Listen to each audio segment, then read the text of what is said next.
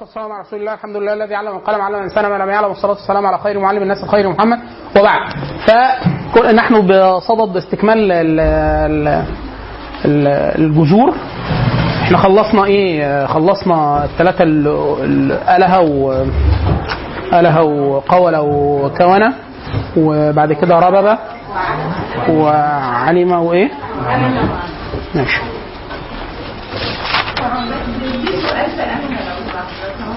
اتفضلي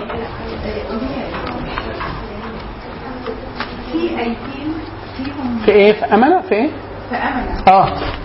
في ايتين اللي هي ليهم كده يقولون وأنزل عليكم من بعد أمانة معينة مم. امانه حضرتك ما تعرفش امانه ممكن ت- إحنا قلنا المرة اللي فاتت؟ قلنا الشاهد ده حتى. إيه؟ قلنا الشاهد ده. ما قلناهوش؟ لا انت أوثق. أنا يعني ما دام استني بس أنا فاكر إن أنا جبته.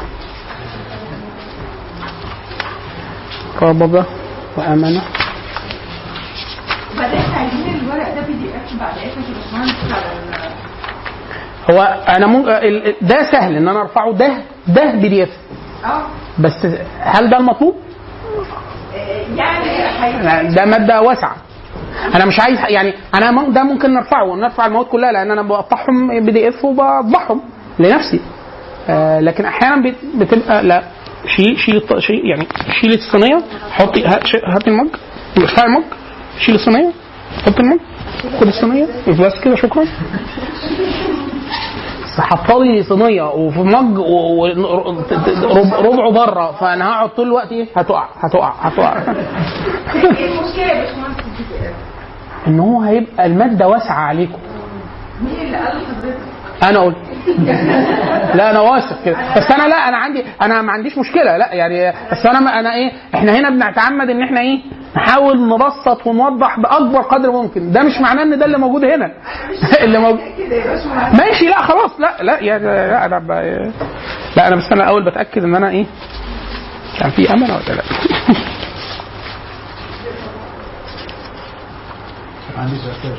لحظة هو عموما لما هيتواجد بي دي اف اللي عايز يتوسع يتوسع واللي مش عايز لا ما هو أنا بيبقى خوفي من- أحيانا من إيه؟ إن هو إيه؟ إن هو يتخض لا هو أكيد هيتخض بس رجعت رجعت كام جذر الدراسة فطلع الكلام إيه؟ طلع الكلام إيه؟ لا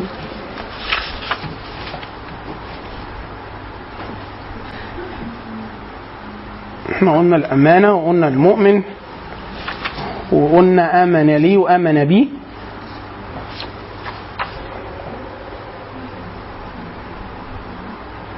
وقلنا ناقة أمون ماشي آم.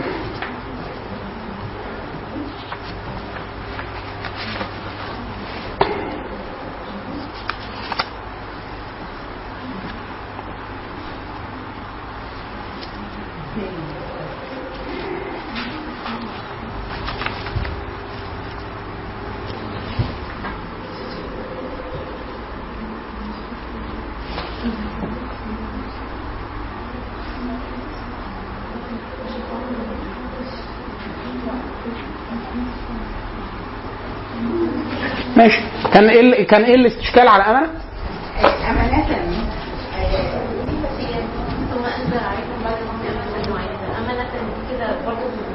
المعنى اللي هو ضد الخوف. إيه؟ الأمن بمعنى ضد الخوف. أو امانه ليه هنا هي مؤنثة وليه؟ لا ما ماشي. طب خل ال- أي سؤال في البنية الصرفية غير المعنى المعجمي خلوه المرة الجاية. المرة الجاية إحنا هنقول العشر أوزان الصرفيه آه على ال- على كله. العشر اوزان الاكثر شيوعا خلاص؟ وبعد كده نشوف مواضع. نشوف المواضع. هل دي معانا في المواضع اللي إحنا هنقولها ولا لا؟ تمام؟ حد عنده أي سؤال تاني؟ أيوه. معنى أشهد أن لا إله إلا الله. إحنا كنا؟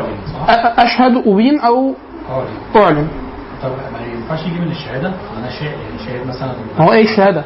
لو ده في مثلا الشهاده من المشاهدة يعني؟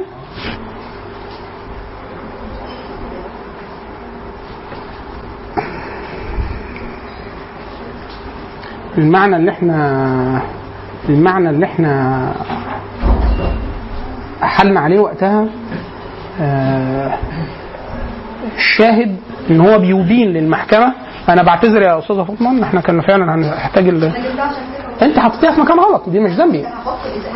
لا انت قعدتي سندها وهي ربعها بره في الهواء ده أنا مش هنسالك ده ابدا. آه أنا اقعد كده باصص لها وأتوتر. ليه أتوتر؟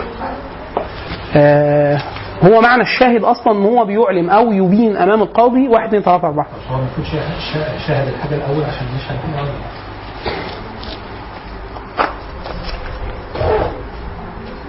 الشاهد مش لازم دايما بي بي بي بي بيقول هو بيبين عن شيء أو بيعلن بشيء مش لازم ده الشيء ده يكون حاجة مرئية وفقط يعني تيجي من معانيها ولا زي مثلا زي ما إحنا مثلا بنقول الشهيد الشهيد ده بيعمل إيه؟ ليه اسمه شهيد؟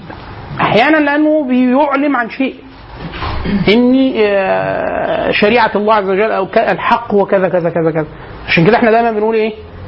الشهيد مش يعني مش بس اللي بيموت في أي واحد بيعلم عن الحق وبيبينه هو شهيد. عشان كده أعلى درجات الشهادة إيه؟ هي أعلى درجات الأمر بالمعروف والنهي عن المنكر. اللي هي أعلى درجه الابانه عن شيء. اللي هو ما آه، سيد الشهداء حمزة ورجل. قام إلى امام جائر فأمره ونهاه. يعني أبان الحق.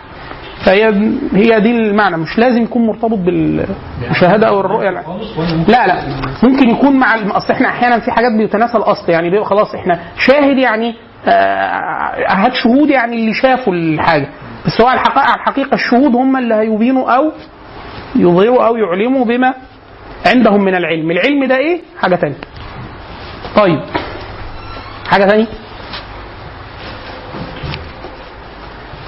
إحنا عايزين ناخد عايزين نحاول ناخد خمس خمس جذور.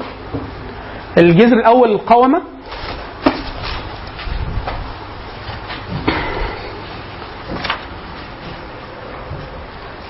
وهو ورد آه، 660 مرة في القرآن.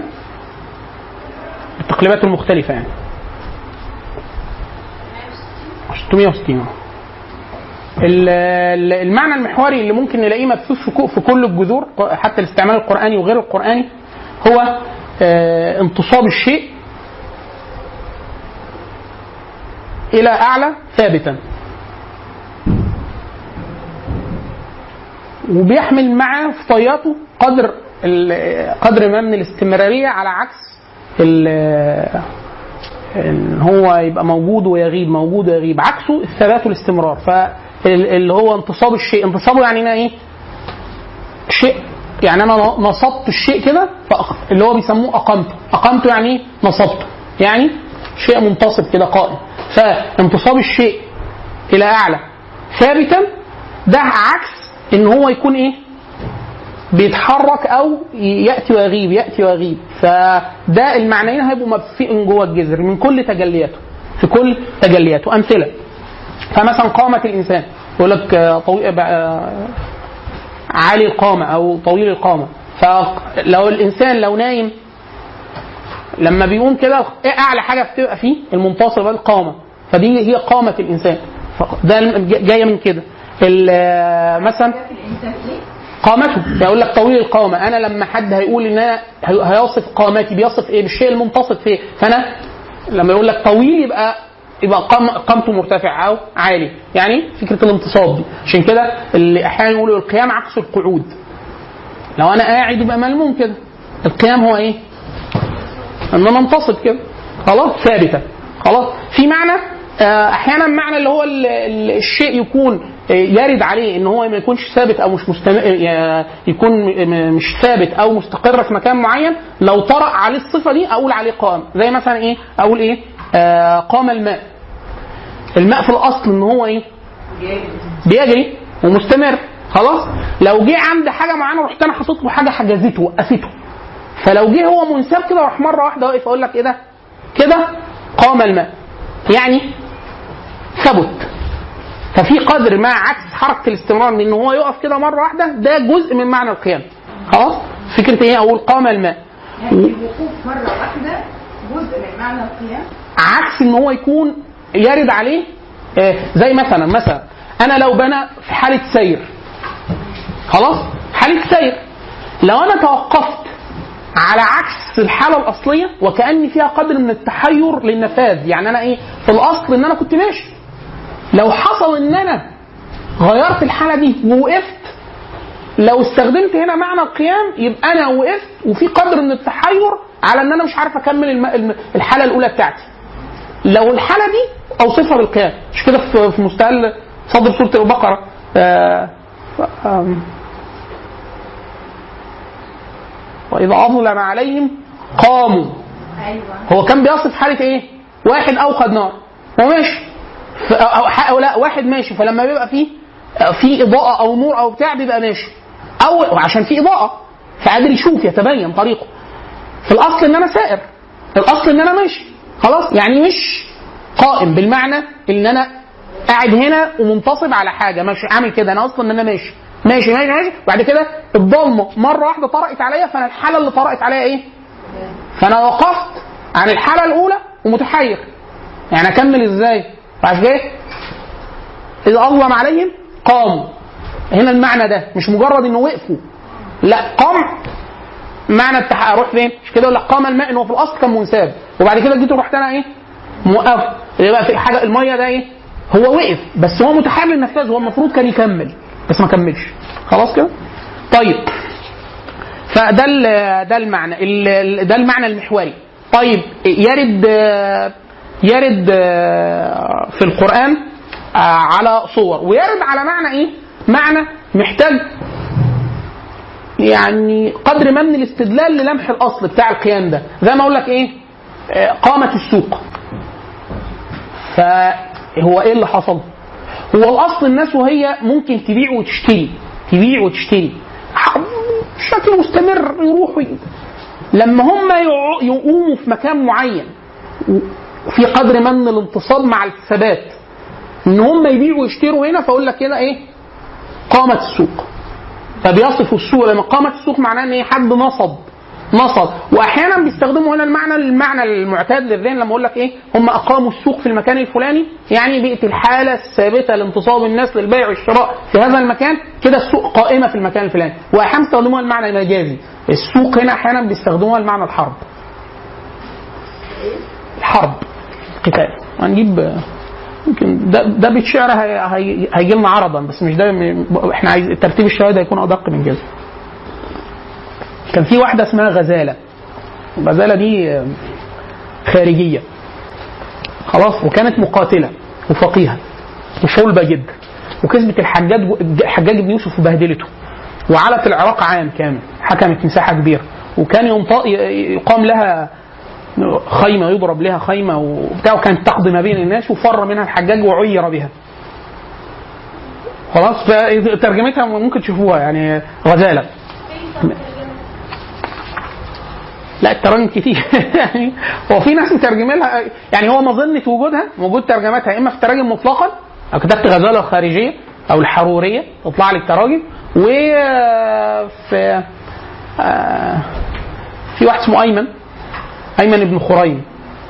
فكان سب الحجاج بيها فقال له عملت فيك وعملت وبتاع فممكن تلاقوها في شو- في شرح ديوان أيمن بن خريم. ده على البداهة. يعني ممكن ممكن نشوف حد افرد لها ترجمة بشكل كويس. بس ممكن حتى أظن ده ممكن نلاقيه البيت ده. ده ما ما تملاش إيدك قوي يعني. هو اللي بديه عرضا كده. آه. كان جايبه آه، سمين الحلبي في عمدة الحفاظ. طبعا هو في أبيات آه، لأيمن بن خريم أصلا. في المعاجم. دايما بيجيبوا شعر ايمن ده لكن هو إيه ممكن تتتبعوه في الكلام. فكان ليه قصيدة سب فيها الحجاج ووصف هي عملت فيها عملت فيهم إيه فقال- له إيه أقامت غزالة أقامت غزالة سوق الضراب لأهل العراقين حولا قميطا. هو بينهي الأبيات بيقول له حاربتكم وعملت يعني عملت فيكم وعملت بعد كده بيقول له إيه أقامت غزالة أقامت ده محل الشاهد. إن هي عملت إيه؟ نصبت السوق بس هو يقصد هنا أقامت غزالة سوق الضراب. بيقول له إيه؟ يعني قعدت. آه عملت إيه؟ مع... وكأنه سوق قائم يعني مش معركة مش معركة أقامت أقامت غزالة آه، سوق الضراب لأهل العراقين طبعا العراقين زي إيه؟ زي إحنا ما بنقول النيرين ونقول الوالدين مش الاثنين من جنس واحد. العراقين هو البصره والكوفه بس بيتقال إيه؟ العراق أهل العراقين يقصد أهل هي طبعا حطت عليه هنا وحطت عليه هنا. خلاص؟ فقامت غزالة سوق الضراب لأهل العراقين حولا أي عاما كاملا. قعدت تعمل كده. قميطه القميط عارفين؟ في لفظ عامية. طبعا معظم العامية هي فصيحة بس مشوهة. عارفين يقول لك بيقمطوا العيل. يعني إيه؟ يربطوه بحبل أو خرقة أو حاجة قماش. فالقميط هو حبل. بيربط به الأشياء. فحولا قميطا يعني حول تام مستمر. فهي أقا- أقامت غزالة سوق الضراب لأهل العراقين حولا قميطا. فهو المحل الشاهد في الكلام إن هو استخدام أقامت في السوق حتى السوق ال يعني بص شايع قال له إيه؟ سوق الضراب. يعني إيه؟ عارف الناس اللي بيقعدوا يشتروا وبتاع؟ بيقعدوا فترة عملت كده في الحرب قعدت سنة كاملة حط على أهل العراقين كوبا والبصره طبعا بعد كده هو نكل بيهم كلهم يعني لكن هم حطوا عليه الأول. وده أحلى حاجة في الخوارج إن هم إيه آه، شفاء لكل من يريد أن يستشفي من حاكم. يعني إيه آه ربنا سلط عليك واحد أغبى منك. والاثنين من جنس واحد. طيب فده إيه؟ ده شيء شيء يذكر. آه برضه في معنى القيمة.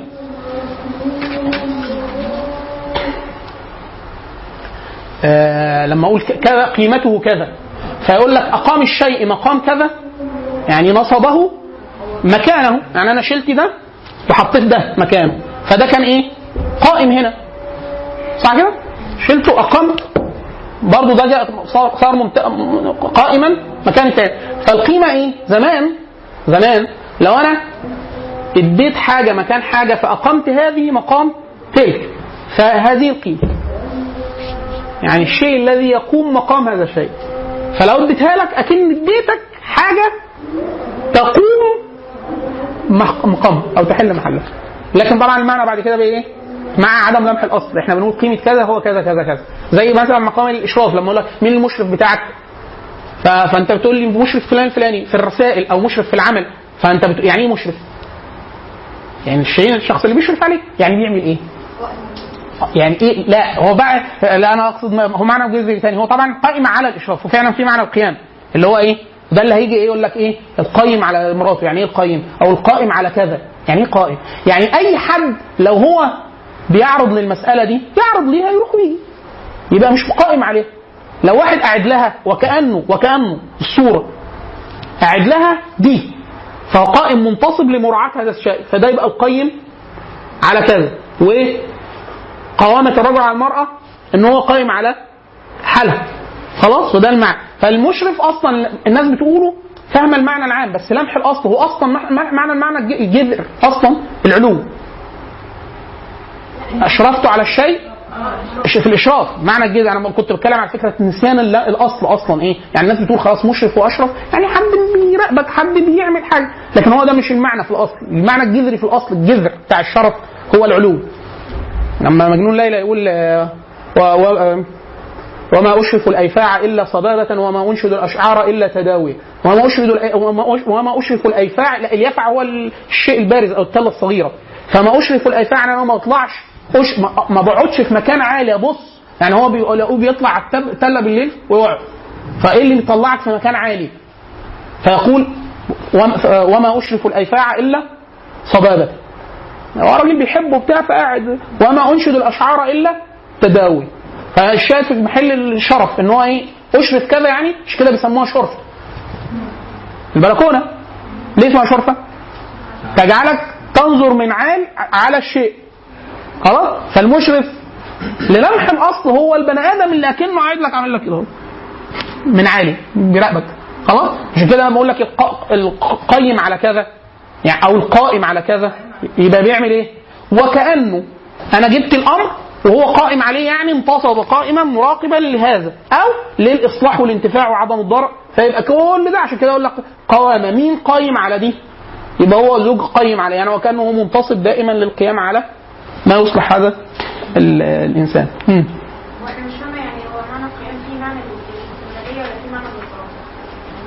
لا لا لا أنا أنا لو الأصل أنا أنا مية أو أنا بمشي. وعرض ليا شيء خلاني انتصبت. يعني وقفت كده. متحيرا ده أقرب معنى ليه للدلالة عليه القيام. زي ولا و- ولا أظلم عليهم آه، آه، وإذا أظلم عليهم قاموا يعني في معنى اضطراب أو مش اضطراب تحير. يعني هو التحير زي المية بالظبط. عارفة؟ بصي تخيلي كده معايا. مية بتسيل خلاص؟ وأنا كده موقفتها. تحس ان هي وقفت بس وقفت على عكس الاصل يعني هي لو لقيت مكان تنفذ منه تاني تكمل. زي بالظبط أنا ماشي. ومادة السير الأساسية الإضاءة انقطعت عني مرة فأنا وقفت. وقفت مش كده أي وقوف. وإلا ممكن ممكن أقول وقف. قام؟ لا ده قام وكأنه يلمح في معنى التحير. لأن أنا المفروض كنت أكمل. تحير. تحير على إن أنا آه، مش معناه الاستمرارية في شيء يعني أنا مش لا الاستمرارية في الانتصاب الاستمرارية في القيام. يعني أنا أنا لو متحيره استمرارية في حاجة. أنا بقول لك ما أنا مستمر في القيام. زي بالظبط زي بالظبط. مستمر في الثبات؟ آه أيوه. في الثبات كشخص عالي يعني. أيوه. خلاص. أنا لو متحير يبقى أنا أنا في مرحلة دلوقتي هتتغير بعد شوية. إزاي مستمر؟ ما أنا ما زلت الوصف الحالة بتاعتي دلوقتي إن أنا مستمر في دي. في دي. فعشان كده وصفت بالقيام هي قائم مضطرب يعني؟ مش عاجباك ماشي. ممكن افضل متحير 10 ثواني مثلا آه بس ما هو هو الوصف كده لما ت- آه، آه، الوصف الآية كده لو صورتها إن هو إيه كان في حاجة بعد كده وقف كده. أو الوقفة دي وصفني بقى وأنا بعمل كده. قام. هو ده. طيب. ويوم القيامة؟ أنا بتصور إن الناس في الاصل ماتوا. ف فهم في حالة القيام. قيام ده الأصل. التاء عشان هنا بقى زي الامنه والحاجات السؤال اللي حضرتك سألته. أحيانا في الاستخدامات الصرفية لما بنحط التاء بيبقى عايزين نقول الحاجة دي حصلت بس بشيء أسرع شوية من المعتاد. فالقيام لما أقول لك إيه ح- اصف القيام. عايز أقول لك الانتصاب. يعني حد انتصب هو كان ميت وقام. خلاص كده؟ قيامة. أقول لك عملوا كده بس دفعة واحدة. يعني حاجة مفاجأة مش مش حاجة على ال- ما فيش حاجة تت- تتاتى تتأتى لا وكأنه إيه؟ جمعا. آه، يوم يقوم الناس لرب العالمين. لكن هو المعنى معنى القيامة آه، يوم القيامة ان هو إيه؟ قيام الناس من مراقدهم يعني أو من قبورهم. طيب. القيام جمعا؟ قيام؟ قال كده القيام جمعا يعني لا مش مش يشترط مش يشترط إن المجموع بس ده اللي إحنا عارفين إنه هيحصل إن الناس كلها هتقوم. لكن هو اشترط في معنى الجذر إنه يكون مجموع؟ لا. معنى كلمة القيامة. القيامة وصف وصف القيام من المراقد يعني الانتصاب من المرقد أو القبر دفعة بس فيها معنى السرعة. عشان كده التاء هي اللي أفادت المعنى ده. قيامة. طيب. ال- المواد اللي جت تقريبا القرآن مثلا جاي 33 معنى ولا حاجة. آه، في معنى إضافي. آه، برضه يلمح فيه الجذر. برضه لما عدت التدقيق اللي هو الاستقامة والمستقيم. استقامة والمستقيم. هو أنا إيه اللي بيحصل؟ إن حاجة عوجاء فلو ع- حاجة عم- عاملة كده. خلاص؟ لو أنا جيت فردتها كده بقى أنا إيه؟ أقمتها. فالمعنى دي حتى مش في العلو. لا ده لو شيء في الأصل. منحني بمعنى ده بمعنى أوسع من المعنى الأول إن هو إيه؟ لو أنا حولته من صوره الإعوجاج لح- لح- لحالة لا إعوجاج فيها يبقى أنا كده اقمته فاستقام. وهو مستقيم يوصف بكده. عشان كده في حديث النبي صلى الله عليه وسلم في وصف النساء قال إن إيه؟ إن هن خلقنا من من ضلع أعوج. فإذا ذهبت تقيمه كسرته. هتيجي تفرضه هيتكسر فاستمتعوا منهم على عوج. ما هو الط... يعني النبي صلى الله عليه وسلم يعني إيه؟ راحمكم بصراحة. على اخواننا ما تحاولوش. يعني هو جزء من الطبيعة كذا كذا كذا كذا. لا هو مش مستقيم ما يبقاش لا هو هو قد نقول نقول نقول نقول إيه؟ إيه نقول إيه؟ لا مش استقامته آه لا لا تصدق والله لا لا لا أنا بعمل لايك من من استقامة الفطرة إن هو يكون معوج. لأن دي فطرته. لو استقام عن كده يبقى راجل. لا يبقى راجل. قال لو حصل. لا. ده مش مجرد فساد. هو النبي قال لك لو قال لك ينكسر قال لك فاذا ذهبت تقيمه كسرته. هيكسر هو معناها إيه بقى الاستقامة عكس الاعوجاج لو في شيء آه يعني طريق معوج وطريق مستقيم. يعني هو بدل ما كان منحني وجيت كل الاعوجاجات دي قومتها فاستقامت. فبقت إيه؟ مستقيمة. يعني منتصبة لع- لا اعوجاج فيها. بس مش بعلو. عشان كده إيه؟ المعنى بقى أعم فممكن أوصف إيه؟ طريق بالمستقيم طب الطريق مش حاجة مرتفعة بس هو إيه؟ منتصب الهيئة عن حالة الاعوجاج بس في حالة إيه؟ مش في الرأس. تمام؟ مش كده؟ هدينا الصراط المستقيم. في صراط طريق عايزه يبقى مستقيم. فمستقيم يعني مش معوج. تمام؟ عشان كده في الحديث ادخلوا الصراط ولا تعوجوا. إن هو إيه؟ رأس النبي صلى الله عليه وسلم ضرب مثالا للإسلام فإنه إيه؟ طريق مستقيم. وعلى رأس الطريق رجل يقول إيه؟ ادخلوا طريق جميع الصراط جميعا أو طريق جميعا ولا تعوجوا عكس الاستقامة هو الاعوجاج طيب ال- المعاني اللي موجودة في القرآن ال 33 استخدام ال 33 صورة معظمها حول آه، معنى أقام ويقيم وأقم وإقام كلها من معنى من القوم زي مثال آه، آه، مثلا يوم ظعنكم ويوم اقامتكم الإقامة هو إيه؟ أنا في حالة الظعن أنا راكب الظعينه اللي هي وماشي. لو نزلت وست- وقع- وقف يعني بطلت حركة فانتصبت قائما في هذا المكان يبقى ده مكان الإيه؟ الإقامة. فأقول لك فين مكان إقامتك؟ المكان اللي أنت مش هتفضل تنتقل عنه. تقعد في حالة انتقال لا ده أنت هتنتصب واقفا مش واقف يعني تفضل طول عمرك واقف في المكان ده.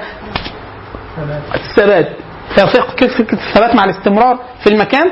آه، آه، فيها المعنى ده. فعشان كده بقول إيه؟ ده المقام. ده المقام. وده آه الإقامة مكان الإقامة.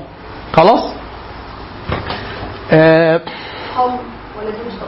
القوم في الأصل في المعنى في العربي آه المعنى الضيق لا لا تقال إلا للرجال. فلا يقال عشان كده في القرآن قال لك يسخر قوم من قوم. ولا يسخر قوم من قوم ولا نساء من نساء. والثاني قال آه، آه، وما أدري وما أخال أدري آه، أحصن أقوم آل حصن أم نساء. وكأنهم إيه؟ يا قوم يبقوا نساء ليه؟ لأنه في الأصل كان الرجل فإذا اعتدي عليه فأراد أن يرد الاعتداء قام معه قومه. يعني انتصبوا له للانتصار له. مين اللي يقوم معاه؟ فيقول لك إيه؟ فقاموا معه ففعلوا كذا كذا. فالقيام هنا بمعنى إيه؟ إن هو يقف معاك في القتال. فلا يقال للنساء قوم ليه؟ لأنهم لا يقومون بهذه الوظيفة. ولكن الاستعمال القرآني الاستعمال القرآني في كثير جدا من السياقات إذا قيل قوم يقصد الرجال والنساء. يدخل فيهم النساء. لكن المعنى العربي المعنى العربي الضيق في الاستخدامات. أحيانا يستخدم ضد زي ما آه، اقوم آل حصن أم نساء يعني هو أنتوا هتقوموا معايا تقاتلوا ولا لا تقاتلوا؟ لأن في الأصل النساء لا تقاتل. خلاص؟ فده معنى معنى القوم. ليه قال القوم؟ ودلالة الأصل هو بيقوم ينتصب معاك في القتال. وده لا يقوم حدش المفروض لا يوصف بها الرجال. عشان كده في الآيات آه، إذا خاطب الرجل أو قيل له هؤلاء قوم الرجل يتفهم إن هم الرجال الذين يقومون معه على قرابة. فدول قوم. لو مش أقاربه ما يتقالش قوم. ودي منها القومية. منها القومية إن هم دول إحنا أهل قرابة واحدة ولو بالمعنى الواسع. كلمة شعب أصلا كلمة نسب- نسبية. يعني يجتمع عشان كده في القرآن لما يكون حالة استثنائية زي سيدنا عيسى ليس له أب من بني الناس. فليس له قوم. فلا يخاطب ابدا في أي سياق في القرآن أهله بالقوم. يقول لهم يا بني إسرائيل. يقول لهم حاجة. موسى يقول. آه. الاب ما ده ت- ت- تقري ت- تقري تاريخ العرب في الجاهلية هتفهمي يعني الاعتراضات دي كلها يعني هو هو- الام مثلا مش ده الأصل ال- الكلام كله على أهل ال أهل ال الاهل اللي يدلوا له من ذكر يعني. والمعنى العصبية حتى موجود حتى في الميراث. العص يعني مين اللي بيدلل الميت ب... ب... ب... بذكر مش بأنثى ده مرعي. خلاص؟ ف... فالشاهد في السياقات بتاع سيدنا عيسى ما تلاقوش يستخدم قوم. قوم موسى ممكن يستخدم قوم. أي نبي تاني يستخدم قوم. قوم لما تؤذونني. كلامه على ناس يجمعهم قرابة نسبية مع المعاني تلاقيها إيه؟ بس طبعا المعنى يقترب أو يبتعد بقدر مع المعنى الأصلي أو المحوري اللي هو بيسميه دكتور حسن جبل المحوري. فإحنا عندنا في القرآن أقام بمعنى أقام البنيان أقام الانتصاب اللي هو حاجة كانت ممكن تقع أو ميلة ويعدلها زي آه، جدارا يريد أن ينقض فأقامه. يعني هو كان الجدار هيقع. فحوله الحالة المنتصبة الثابتة دي يبقى كده أقامه. خلاص كده؟ وليه معنى أقرب لمعنى وفي معنى القيام زي في الصلاة. إحنا بنقول لك إيه؟ أنت في ركوع ولا سجود ولا قيام؟ فالقيام الانهي انهي حالة اللي بكون شكلي فيها عامل إيه؟ واقع كده. خلاص؟ ومعنى أقرب للمعنى المجازي إن هو إيه؟ إقامة حدود الله أو إقامة الصلاة. يعني أنا لما أقيم الصلاة أكون شكلي بعمل إيه؟ أقيم الصلاة. يبقى وكأني بس فيها القيام بالشيء أو اقامه كذا يعني آه، آه، آه، إتمام عمله بصورة مرضية ثابتة مستمرة. فلو واحد بيصلي صلاة ولا صلاتين وسايب الباقي ما بيبقاش إقامة الصلاة. ما كانش أق- ما أقامهاش. أنا عايزها تضعها على حالتها التامة. وضع الشيء على حالته التامة ده هو اللي بيوصف بيه إقامة. عشان كده إقامة الحدود واقامه حدود الله. إقامة الصلاة. يبقى ده واضح لازم تكون على الصورة المرضية. عشان كده يقال ال- الآية التي شابت النبي صلى الله عليه وسلم فاستقم كما أمرت. يعني هو قال له استقم. المشكلة مش مطلق استقامة. ما طلبش منه مطلق استقامة. طلب منه إيه؟ هي دي المشكلة؟ هو ده المعيار. يعني أنت لو عملت حاجة وتراها حسنة إن عرضت على المعيار ولم تكن حسنة لم تكن حسنة. مش أنت أي حاجة تعملها فاستقم كما أمرت.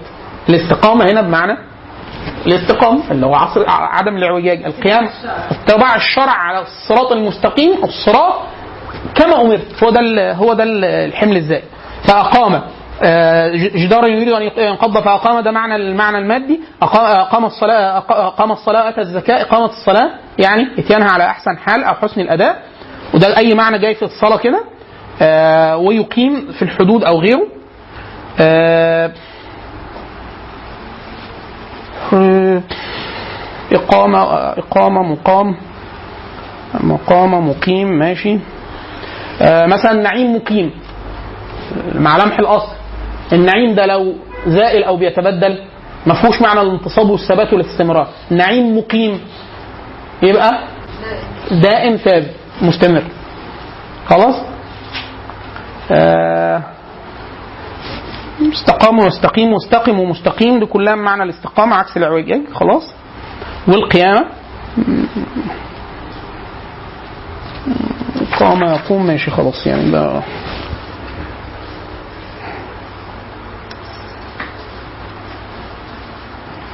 طيب. يتبقى مع- معنى لمح لمح المعنى في القيوم. قيوم السماوات والارض آه، فهو الله عز وجل ده طبعا إحنا قلنا كلام خلاص يندرج الكلام اللي إحنا هنقوله ده على اللي إحنا قلناه في صفات ال- في صفات المرة اللي فاتت.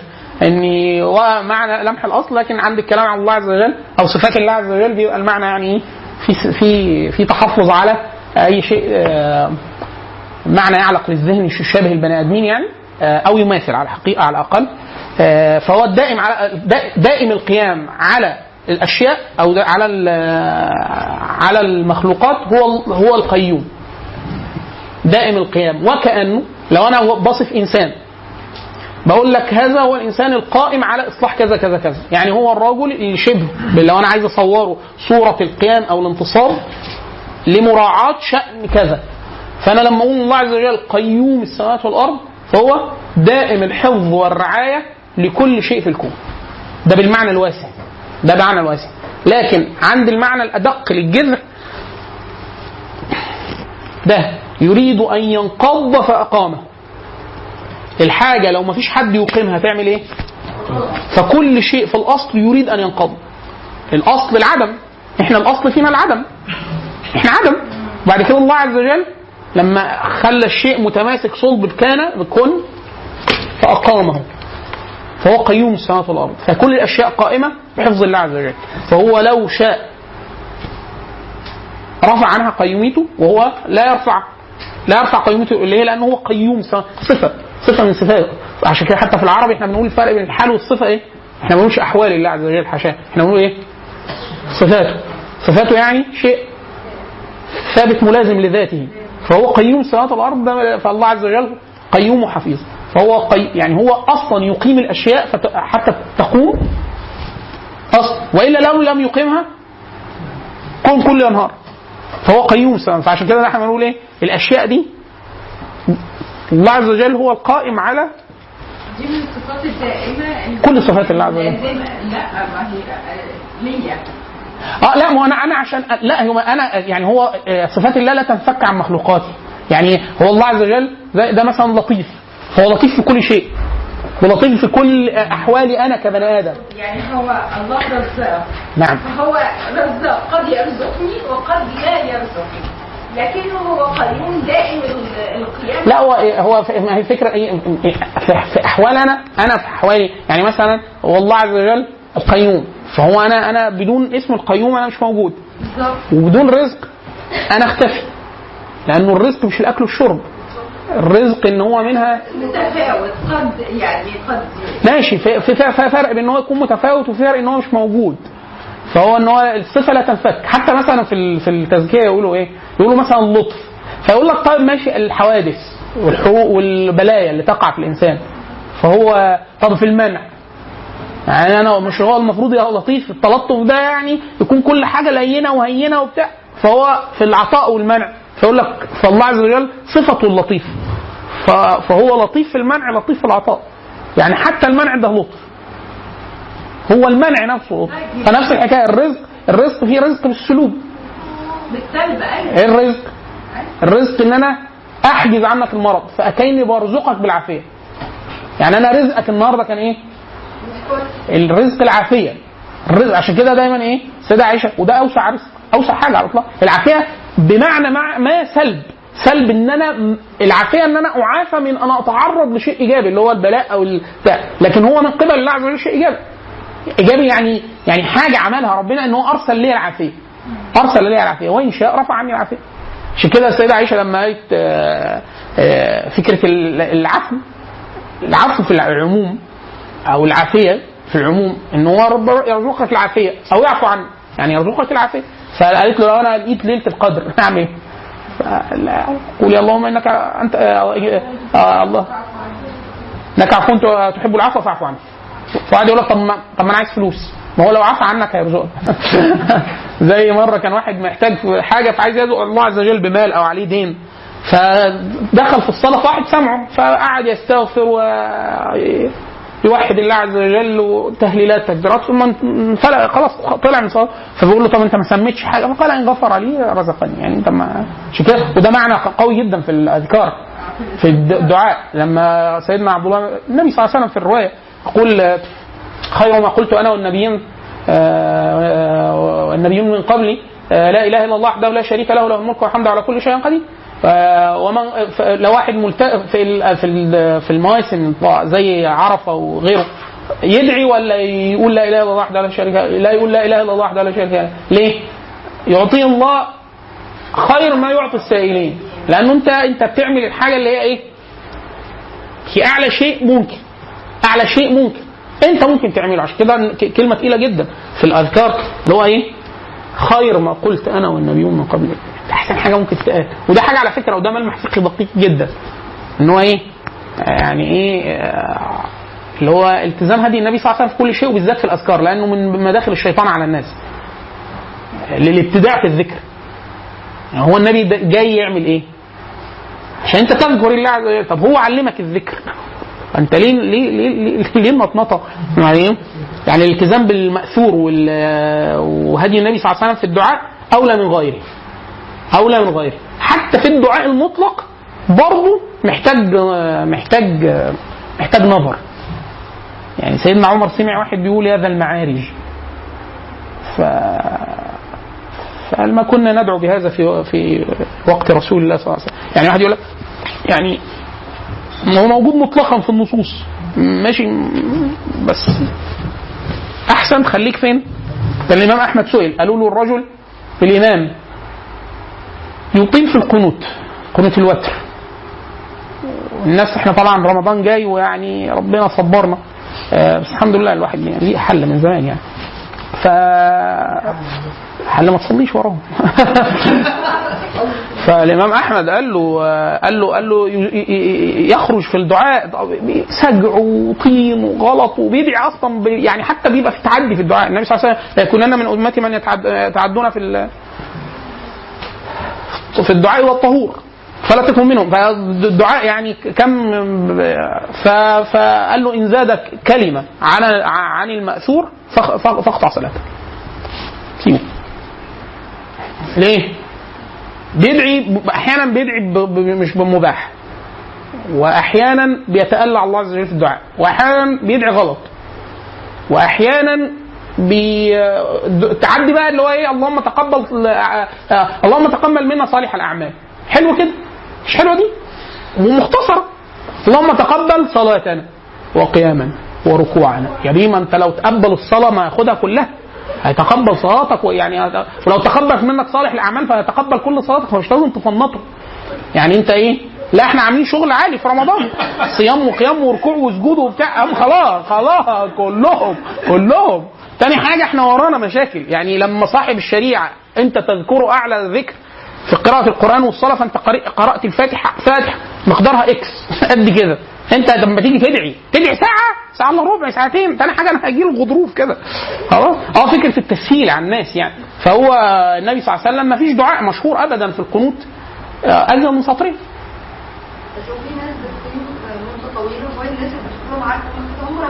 ما عشان كده إحنا بنقول إيه؟ بنقول لهم بنقول لهم إيه؟ إن هو كلهم كلهم المفروض اللي رايح عارف ده هيعمل كده ولا الاثنين كلهم يلتزموا بالهدي. في كتاب لطيف جدا اسمه كان عودوا إلى خير الهدي في موضوع القنوت ده. كتاب اسمه كده عودوا إلى خير الهدي ليه؟ واحد يقول لك ما أنا عارف إن هو يطول. هو المفروض ما يطولش. في ده. في ده. الثاني اللي بتقوليه ده في القيام في القراءة. لو الناس متفقة عارفة إن الراجل ده هيقرأ بجزء مثلا حي هلا جزئين حي هلا يا عم خمس أجزاء حي هلا بس إحنا عارفين كده. بس مش في ده. مش في الدعاء. مش في الدعاء زي خطبة الجمعة. خطبة الجمعة. واحد يقول لك إيه؟ أخوانا أنا الناس عارفة إن الشيخ ده بيطول. عايز تروح له روح له. يا بيه سنة النبي صلى الله عليه وسلم في الخطبة انها تبقى قصيرة بالغه هو الشهر ده بس اللي بيعمله؟ لا ملوش دعوة ملوش دعوة. مين اللي ملوش دعوة؟ ملوش دعوة ده يعني المساله ملهاش دعوة ب يعني إحنا مش معنى إن الناس إن ده موسم طاعة إن هو يدعي نص ساعة. 7 يا بنت الناس يا بنت الناس أفصح العرب وسيد الخلق. سألته أحب الناس إلى قلبه وأم المؤمنين قالت له لما ألاقي ليلة القدر ليلة القدر ليلة القدر فأقول إيه؟ صلى الله على محمد.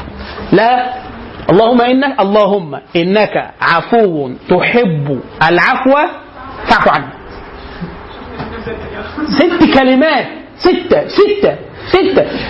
ده النبي بيقول لمين؟ بيقول لمين؟ بيقول لعائشة رضي الله عنها يعني ما فيش يعني إيه أحب الخلق؟ قالوا له يا رسول الله من أحب الناس إلى قال عائشة. قالوا له طيب ومن الرجال قال أبوها ما ما- ادوش صفة لوحده نسبوا ليها. قال قالت له أقول إيه في ليلة القدر؟ ليلة القدر قال له ست كلمات ستة عبد ما إحنا بنقول الناس تتعلم وما يقرفوناش بقى.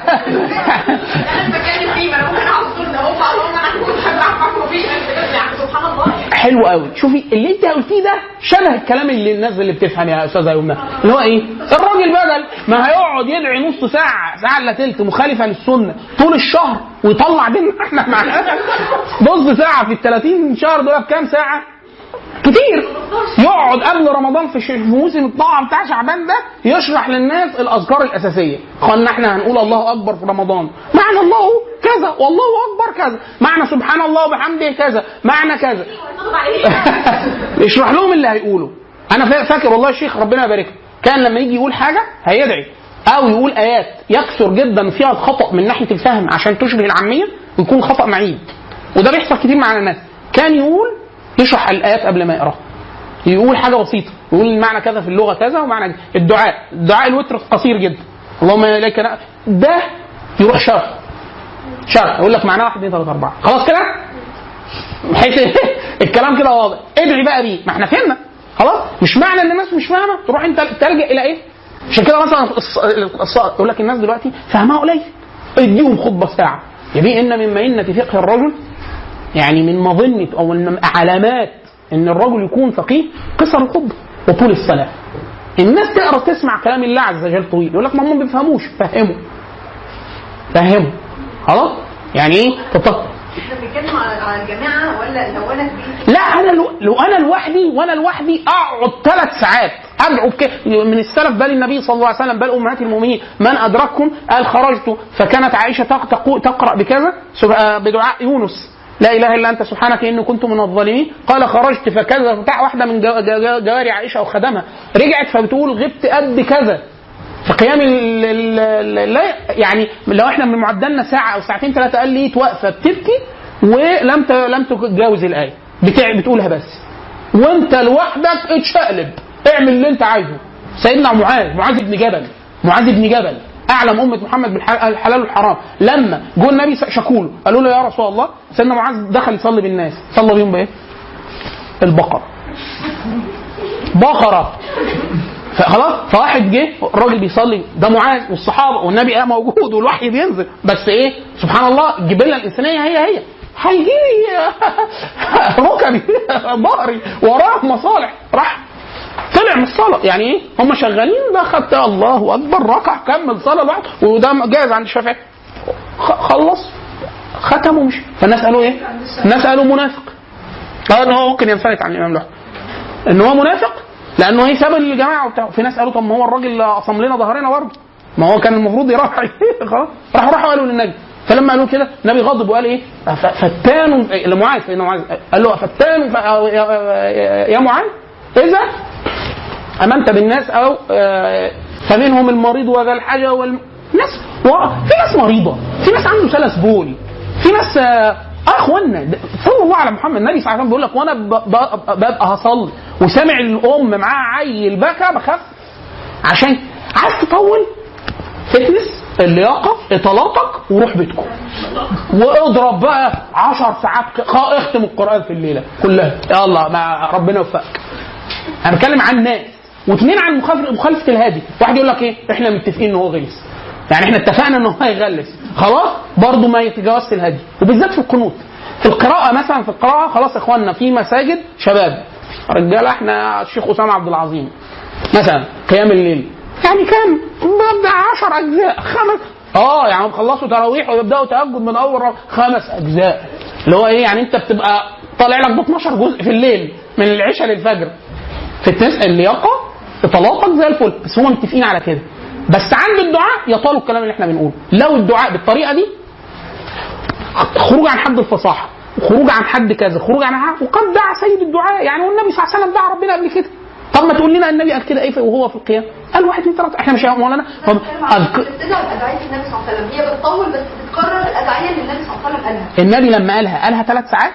ولا قال ده في موضع؟ عارفة أنت عاملة زي إيه يا فاطمة؟ زي واحد هيبدأ إيه يختم الصلاة. إحنا عندنا كام ذكر موجود مروي عننا في ختم الصلاة؟ 33 33 33 تتمة المية لا إله إلا الله؟ دي رواية. 10 10 10 دي رواية. 25 25 25 25 دي رواية. 11 11 11 11 دي رواية. وفي أذكار كتيرة جدا تاني. خلاص هو النبي كان بيقعد يقول ال 33 وبعد كده بيقول ال 10 وبعد دي مف- مفرطة. يعني دي مرة ودي مرة ودي مرة ودي مرة. ما هو جزء من السنة إن تعملي السنة بنص طريقة الورود. ما تجمعهاش على الناس. أنا مش معترضة على فكرة إنه المشايخ بتعمل كده هي دي المرة الوحيدة اللي بيتلاقى فيها عدد. نعمل إيه في العدد؟ ده هيغير حاجة. ده هيغير في- الأحكام. أحكام إيه؟ إحنا ليه ليه أصلا بنقول إن ده الحكم فيه مشكلة؟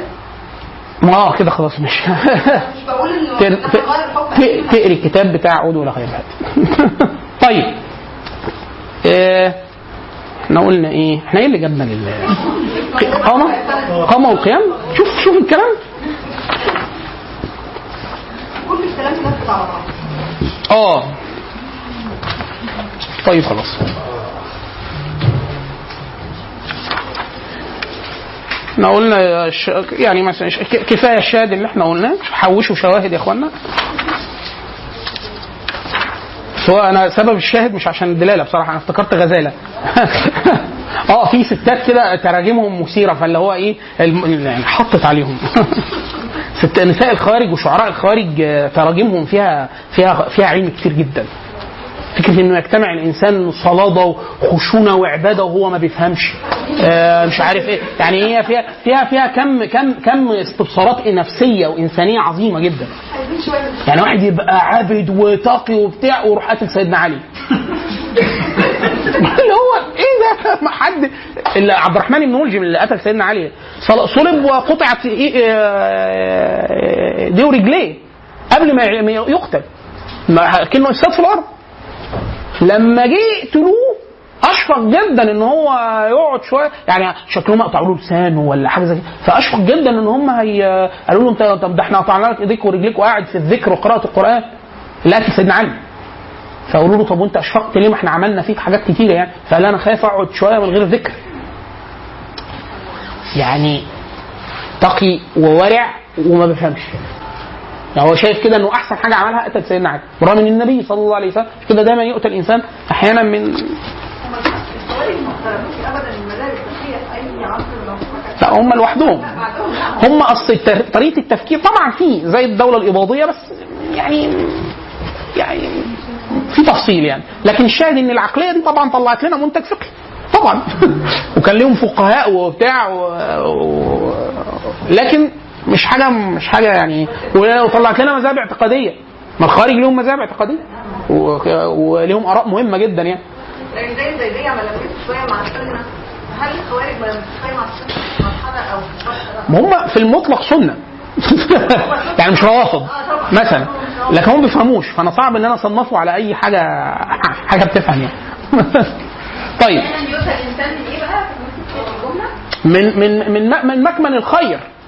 يعني أنا مثلا واحد يقول لك إيه أصل ده راجل عابد وبتاع ومش عارف إيه وبتاع. ماشي؟ يعني تبين الحق ملوش دعوة بالمجهود المجهود العبادي العبادي الشعائري يعني. يعني أنت واحد بيصلي كتير ما بيفهمش عربي وبيقرأ قرآن كتير وما بيفهمش عربي هيؤتى من قبل إيه؟ العجمة. مش كده سيدنا الإمام الحسن.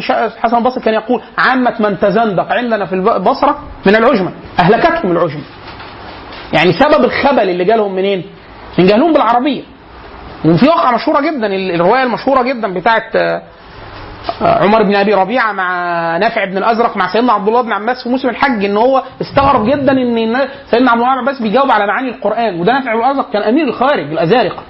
فلما سيدنا عبد الله بن عباس جه. فعمر بن أبي ربيعة آه، أول ما شافه سيدنا عبد الله عباس في, في, في أحد الروايات فبيقول له إيه؟ قال له أنت قلت شعر جديد كان شاب صغير. فقال له فقال له قصيدة آه، من آل نوع من أنت غاد فمبكر وغداة غد أم رائح فموجر فقعد يسمعه. سمع القصيدة كلها قصيدة من قصائد الطوال في الشعر العربي ومن قصائد الطوال عند عمر بن أبي ربيعة. فهو بيقول له أنا أجي لك. أسألك عن معاني القرآن وبتاع فأنت تلتفت وتسمع لشاب بضفيرتين آه، من قرشي ولا حجازي الكلام ال- ال- الرفث ولا ال- اللي بتاع فقال له أو الهجر اللي قاله قال له لا والله ما قال هجر. طب أمال هو قال إيه؟ قال له القصيدة كلها وبعد كده احد الروايات. فلما جه يسأله يسأله عبد كان مستغرب جدا إن هو كل معنى من معاني القرآن سيدنا عبد الله عباس كان بيجيبه له بدليل من العربية. يقول له إيش عرفك إن المعنى كذا؟ هو كان بيقول له إيه؟ معنى كذا إيه. اسمها مسائل نافع بن الأزرق مشهورة جدا. بيقول له إيه؟ وتصنف فيها مفرد يعني في أكتر من 10 20 كتاب هتلاقيهم مفردين في المسائل اسمها مسائل نافع بن الأزرق. كل واحد مرتبها بطريقة. في ناس عاملينها غريب قرآن في ناس عاملينها تحليل شعري في ناس عم... في معالجة كتير. يقول له إيه معنى كذا؟ يقول له معناها كذا. يقول له إيش عرفك؟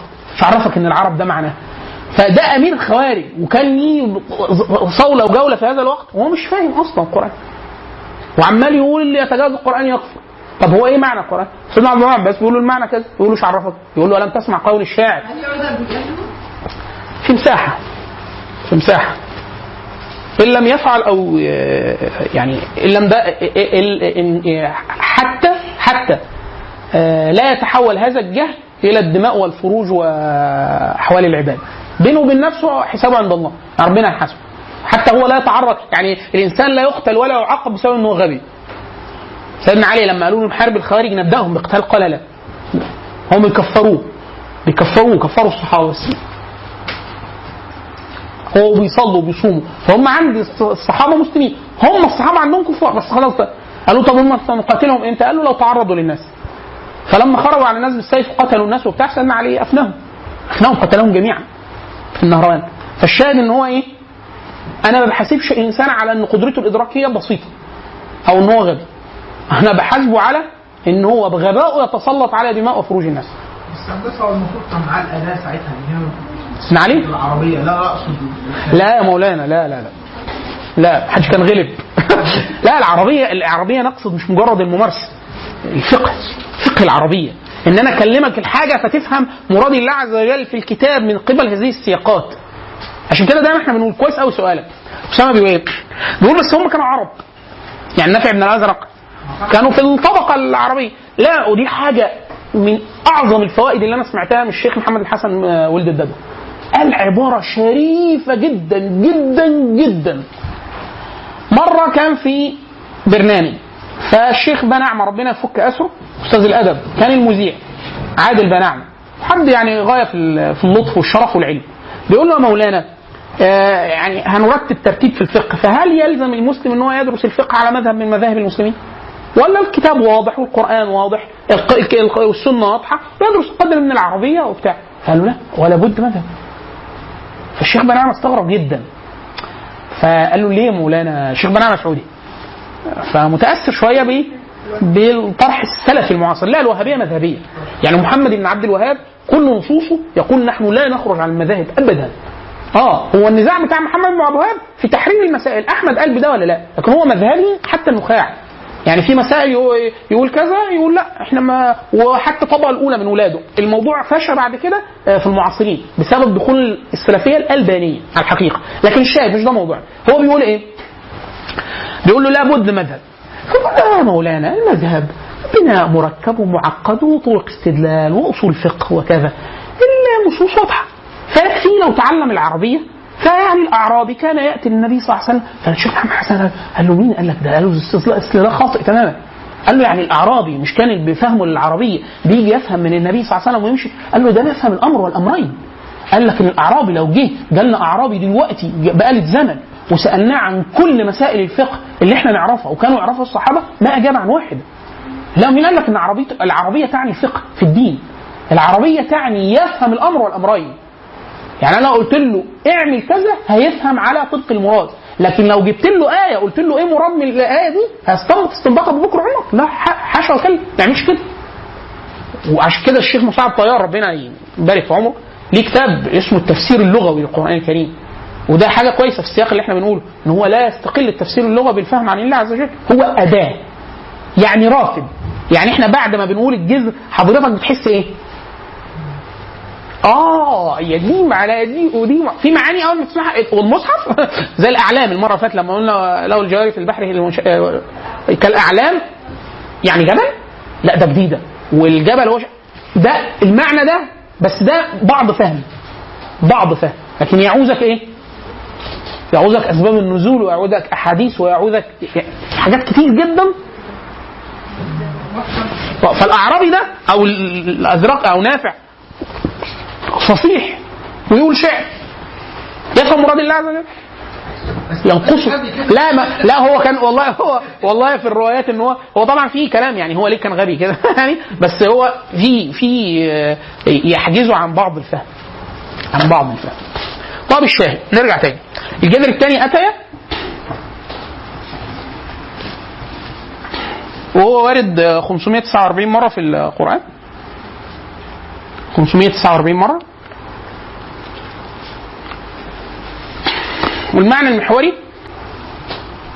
هو وصول إلى مكان بقوة تزيل ما يعوق. وصول إلى مكان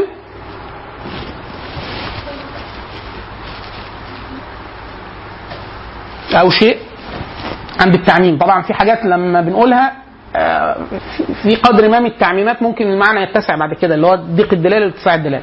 وصول إلى مكان بقوة تزيل ما يعوق. مع خفاء مصدر. يعني حاجة وصلت لحتة وهي بتوصل في قدر ما من إزالة أشياء. قد يكون فيه المعنى ده إن هي تزيل شيء في الطريق وهي جاية مع خفاء مصدر.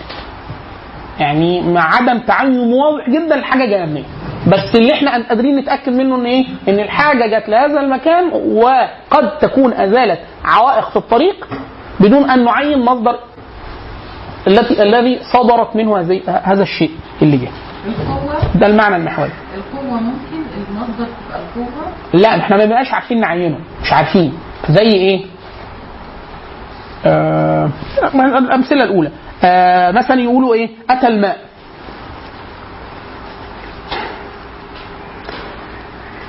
أو أتى السيل. ده معناه إيه؟ ان أنا شيء حضر للمكان اللي أنا فيه قليل بعد قليل كده وأزال في طريقه أشياء كده أتى الماء وإلا هيبقى ممكن أوصفه وصف ثاني ما أقولش أتى. حتى عشان كده بيسموا الماء ده أتي. يقول لك أتي يعني ده المية اللي جت إيه؟ كنست الحاجات اللي في وشها مع جت منين؟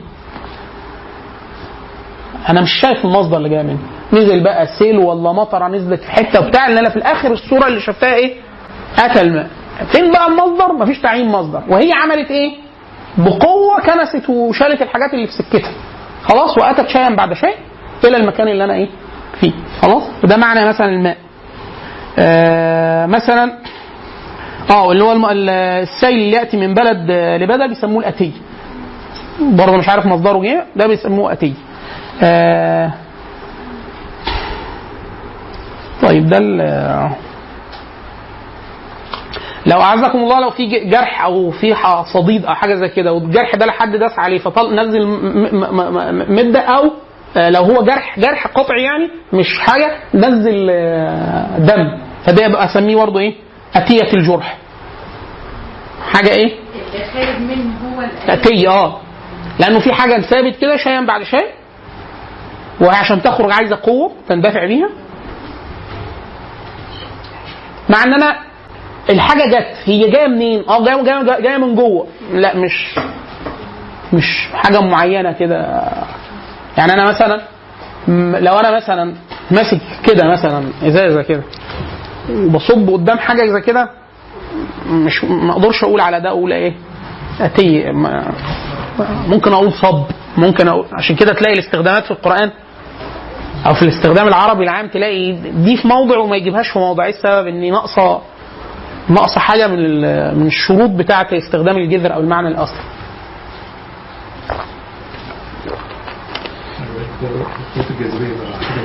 تانية قدر من القوة للإزالة عشان يخرج.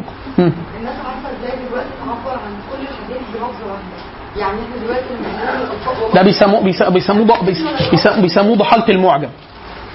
عندنا في الاصطلاح في علم اللغة الاجتماعي بنسميها الشفرة المقيدة اللي هي لغة الليمبي.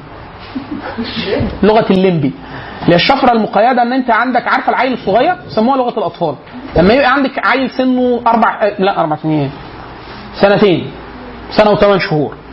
بيعبر بكام كلمة؟ عن الكون.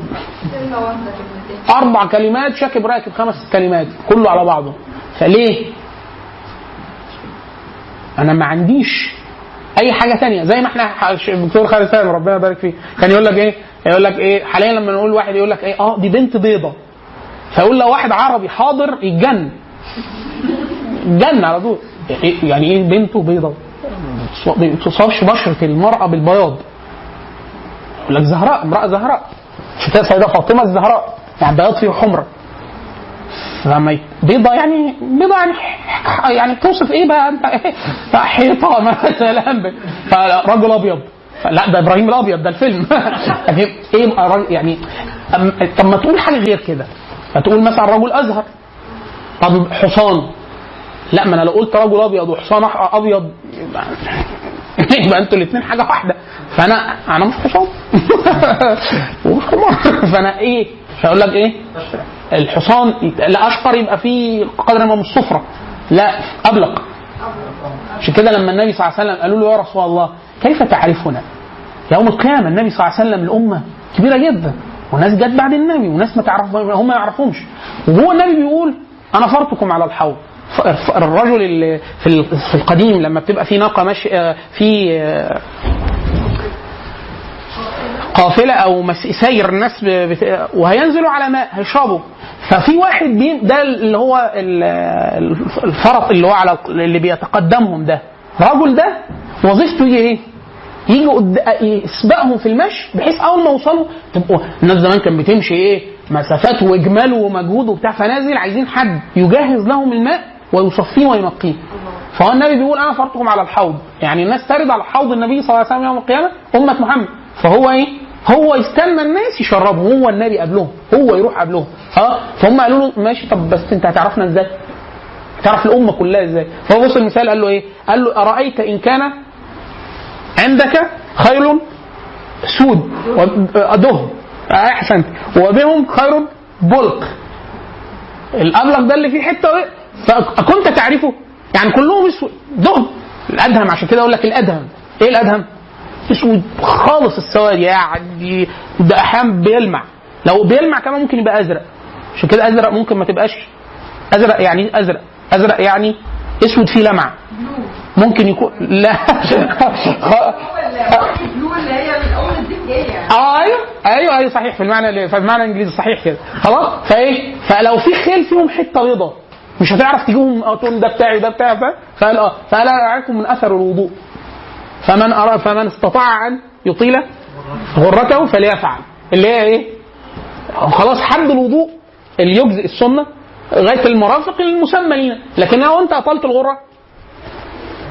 ده أحسن ليه؟ لا في كله. لا لا في, الإيدين والرجلين وفي كله. هو في الأصل الغرة المقدم لكن ال- المعنى ال- أثر الوضوء. اثر الوضوء في ال- فمن أض- أن يطيل. أيوه بعد الصحابه كان سيدنا أبو هريرة لغايه لغاية حياته وفي الرجلين فوق. ليه؟ يقول لك خلي العلامة واضحة.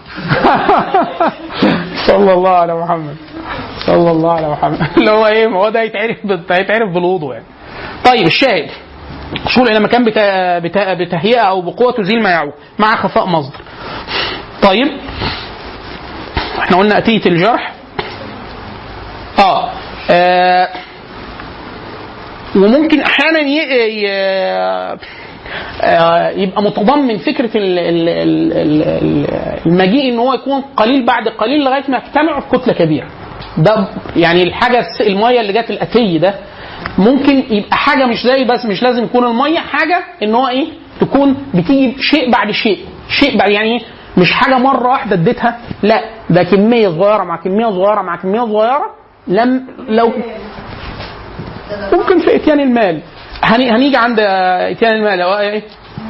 إتيان ان تأتي؟ إت- آه، آتوا. كذا. فمعناه إن أنت إيه؟ مش تعطي. مش تدي مرة واحدة. تؤتي يعني؟ قليل بعد قليل بقليل بعد قليل. يعني إيه؟ مم. كنت أحب أعرف الجذر الضياء فيه في كل جذر أتى في كام صوره؟ إحنا هن- هنيجي هن... في المعاني المستخدمة في القرآن هنقولها. آه. هنقولها. لا يعني كعدد. قبل ما نسردهم حضرتك. في ال... في ال... في ال... آه، صوره بها- في ال- في القرآن؟ أقول لك أقول أو أعدهم لك دلوقتي. أنا في حاجات كنت كاتبها. أقولهم لك. واحد اثنين ثلاثة أربعة ستة. ثمانية 13 خلاص؟ آه في معنى أحيانا بيبقى إضافي فكرة اللي هو آه إن آه إزالة العوائق. إحنا قلنا القوة بتزيل العوائق. خلاص؟ بس تكون بسرعة شديدة جدا.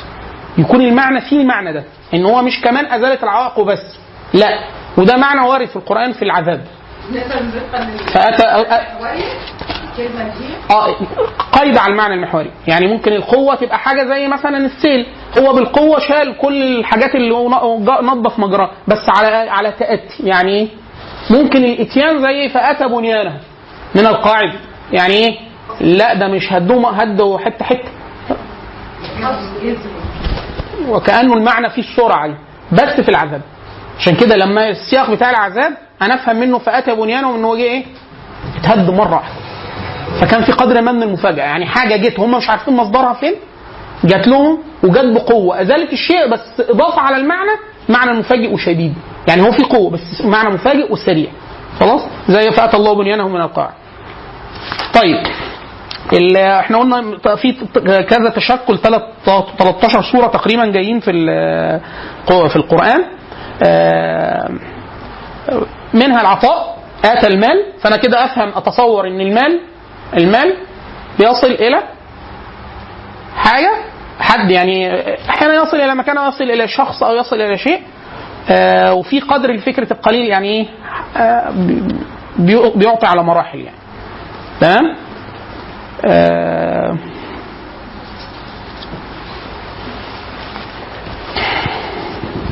أحيانا بيؤتى أوتيتم بمعنى يعني آه، أوامر جات لكم. اللي جالك أمر مش مال ولا ماء. أوامر؟ أوتيتم هذا فخذوه. آه، تؤتي الملك من تشاء. فالله عز وجل وكأنه أعطاه الملك. تمام؟ برضه وصول الملك له. آه،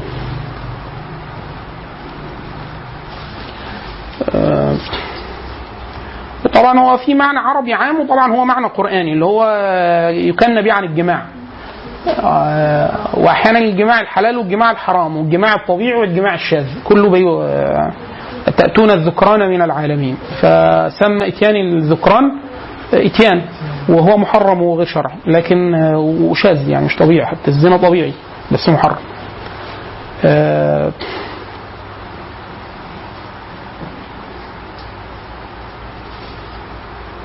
مثلا وآتوا البيوت من أبوابها فكرة إتيان البيوت. إن هو يأتي هو معناه إن أنت تأتي البيت يعني إن أنت إيه؟ تحركت إلى الشيء. جاي منين؟ أنا ماليش دعوة. بس أنت تأتي تقصده. لا اصل هي دي جاية في انهاء البدعه بدعه ان هم بياتوا البيوت من ظهورها فهو ما هو يقصد البيت في في فينتهي للدخول. لكن إن أنا حتى أمر ان وقتوا البيوت من ابوابها يعني إن أنا انتقل إلى المكان فاسم أتيته. مش لازم دخول. يعني الدخول يتقال عليه إتيان ومش لازم يبقى دخول. الوصول إليه. آه إن أنا اتحركت من مكان لغايه وصلت له لغاية ما وصلت له. لو أتيت الباب ممكن من المعنى السياقي أفهم إن هو يعني حضر المحل ودخل. يبقى ده معنى إضافي. تمام؟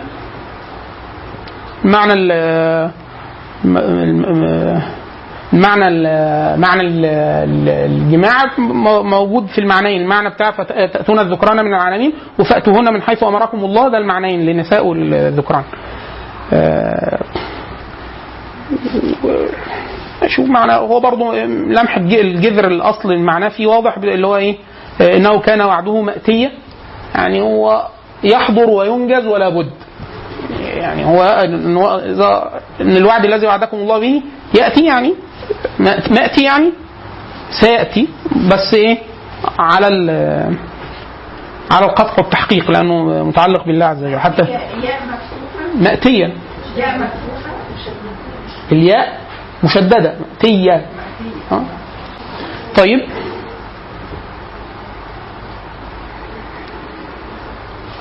إيه تاني؟ لأنه في حاجات أحيانا برضو الدلالة العامة بتاعتها اللغوية بدون إضافتها لله عز وجل ليها معنى وعند ما تضاف لله عز وجل في القرآن في الغالب بيغلب عليها معنى. مثال سيدنا عبد الله بن مسعود عبد الله بن عباس يقول كل لعل في القرآن من الله واجبه يعني هو في الاصل لعل. لعلكم ترحمون. في غير القرآن وفي غير إن يكون لو المتكلم غير الله عز وجل فلعل على الظن يعني. كل لعل في القرآن إيه؟ على الوج... على الوجوب على التحقق. يعني لعلكم ترحمون لا ترحمون. يعني لكن المعنى اللغوي العام كده. لكن المعنى القرآني الذي يفهم من النصوص الشرعية ومن نقل النبي صلى الله عليه وسلم والصحابة أنها واجبة. يعني يرحمهم إن شاء الله. تمام؟ وعسى عسى في الأصل. يعني. لكن لو من الله عز وجل لا تقع هو قال له إيه؟ عسى أن يكون يكون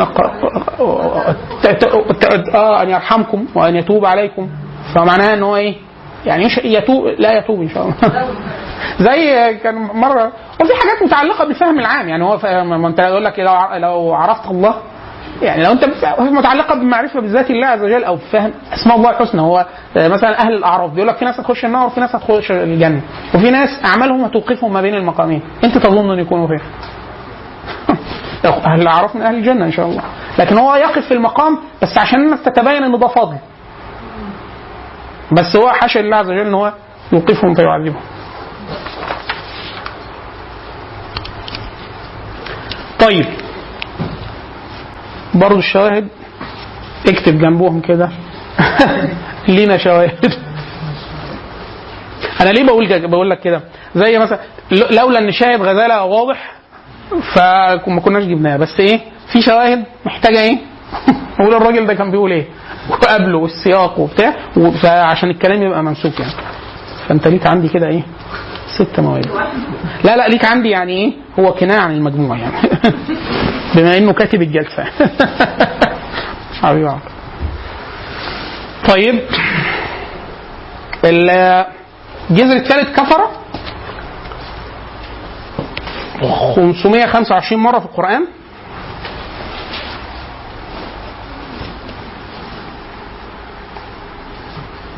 المعنى المحوري في الاصلي في التتبع المادة يعني تغطية تامة كثيفة؟ تغطية تامة كثيفة لا يظهر معها شيء من المغطى. لو انت غطيت شيء هو ده المعنى الاصلي غطيت شيء تغطية كثيفة لدرجة إن الأصل الشيء المغطى مش باين منه أي حاجة فكده إيه؟ ده كفر.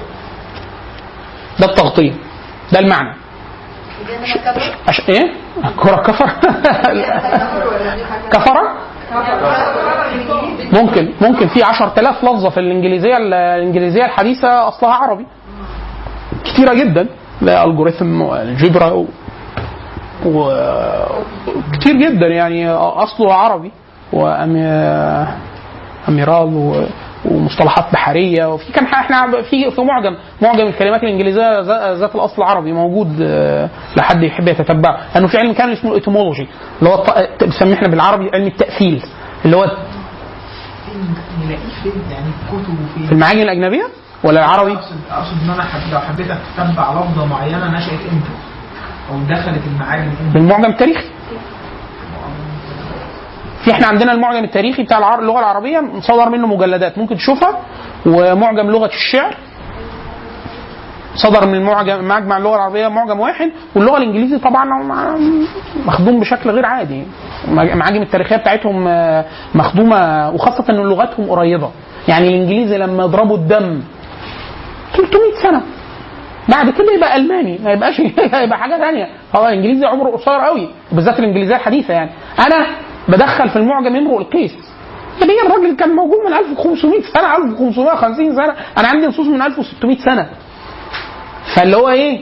يعني إحنا بنقول حاليا عمال أقول إيه؟ أقول غزالة. غزالة دي كانت إيه؟ هي من 1300 سنة. والنص أكنه أنت أول ما أنا قلته يعني إيه؟ مثلا آه، قميطه هي اللي إيه؟ نابية شوية عن الأذن المعاصره حولا تحسها حلوة. العراقين حلوة. أهل العراقين آه، أقامت غزالة سوق الضراب. بتح- كل الكلام إيه؟ لأهل العراقين حولا قميط قميطة بس. هي اللي تحسها إيه؟ مش والنص 1300 سنة. ده أنا جبت لك شك- شكسبير اللغة الأصلية. مش ولا حاجة. ما تفهمش ولا حاجة. لازم يكون معمول له إعادة صياغة. لازم. والا مش هتفهم حاجة. فاحنا المسألة عندنا القاموس التاريخي المعجم التاريخي بيبقى محتاج جهد كبير جدا. فلذا يقال في الكافور من الكرم الورق المغطي لما في جوفه من العنقود. الكرم اللي هو العنب. فلو العنقود ده متغطي تغطية كثيفة يقال لها الك- الكافور من الكرم هو ده الكافور من الكرم. يعني النوع اللي اسمه الكافور من الكرم من العنب هو اللي إن- إيه- إنهي؟ اللي بيبقى العنقود أهو. ومتغطي.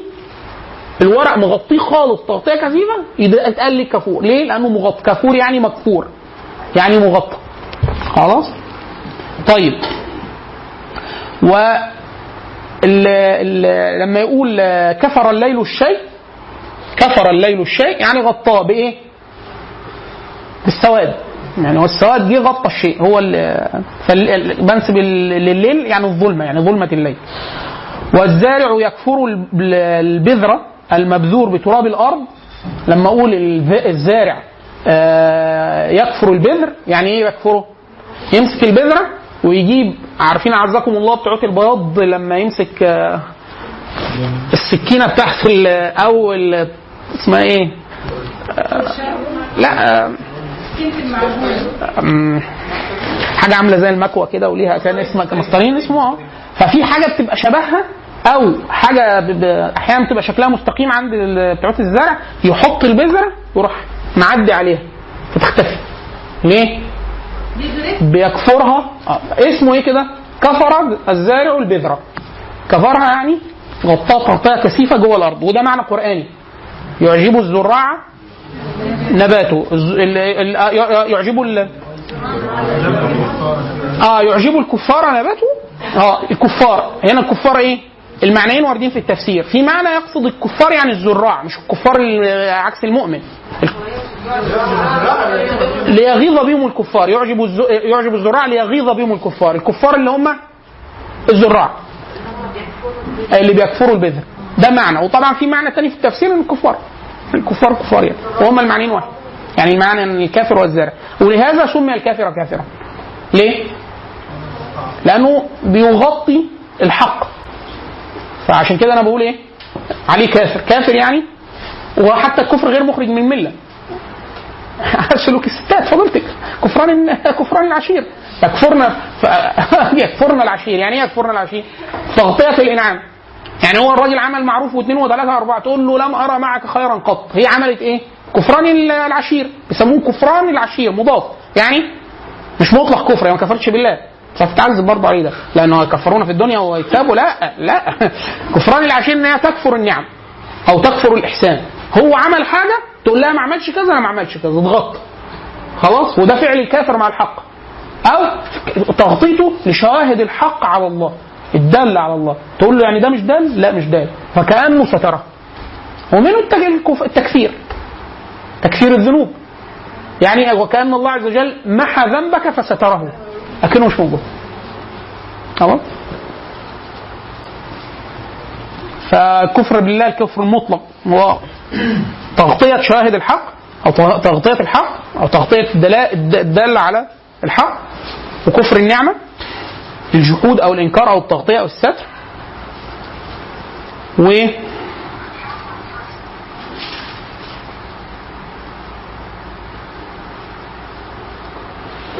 والكفور مع- من غير الكفور من الكرم. آه، اسمه كفور لأنه آه، بتطلع ريحة بتغطي على أي ريحة ثانية. عشان كده بيسموه كفور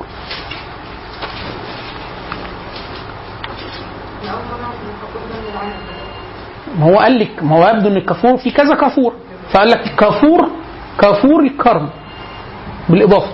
زي كفران كفران العشير. ليه قال كفران العشير؟ عشان يفهم إن في زي آه، في أنواع كتير من الكفر يا فندم. خلاص كان مزاجها كافورا إن هي هيبقى ليها ريحة تشبه ريحة الكافور اللي هي الريحة التي تغطي على أي الرائحه ال- الأخرى يعني. طيب.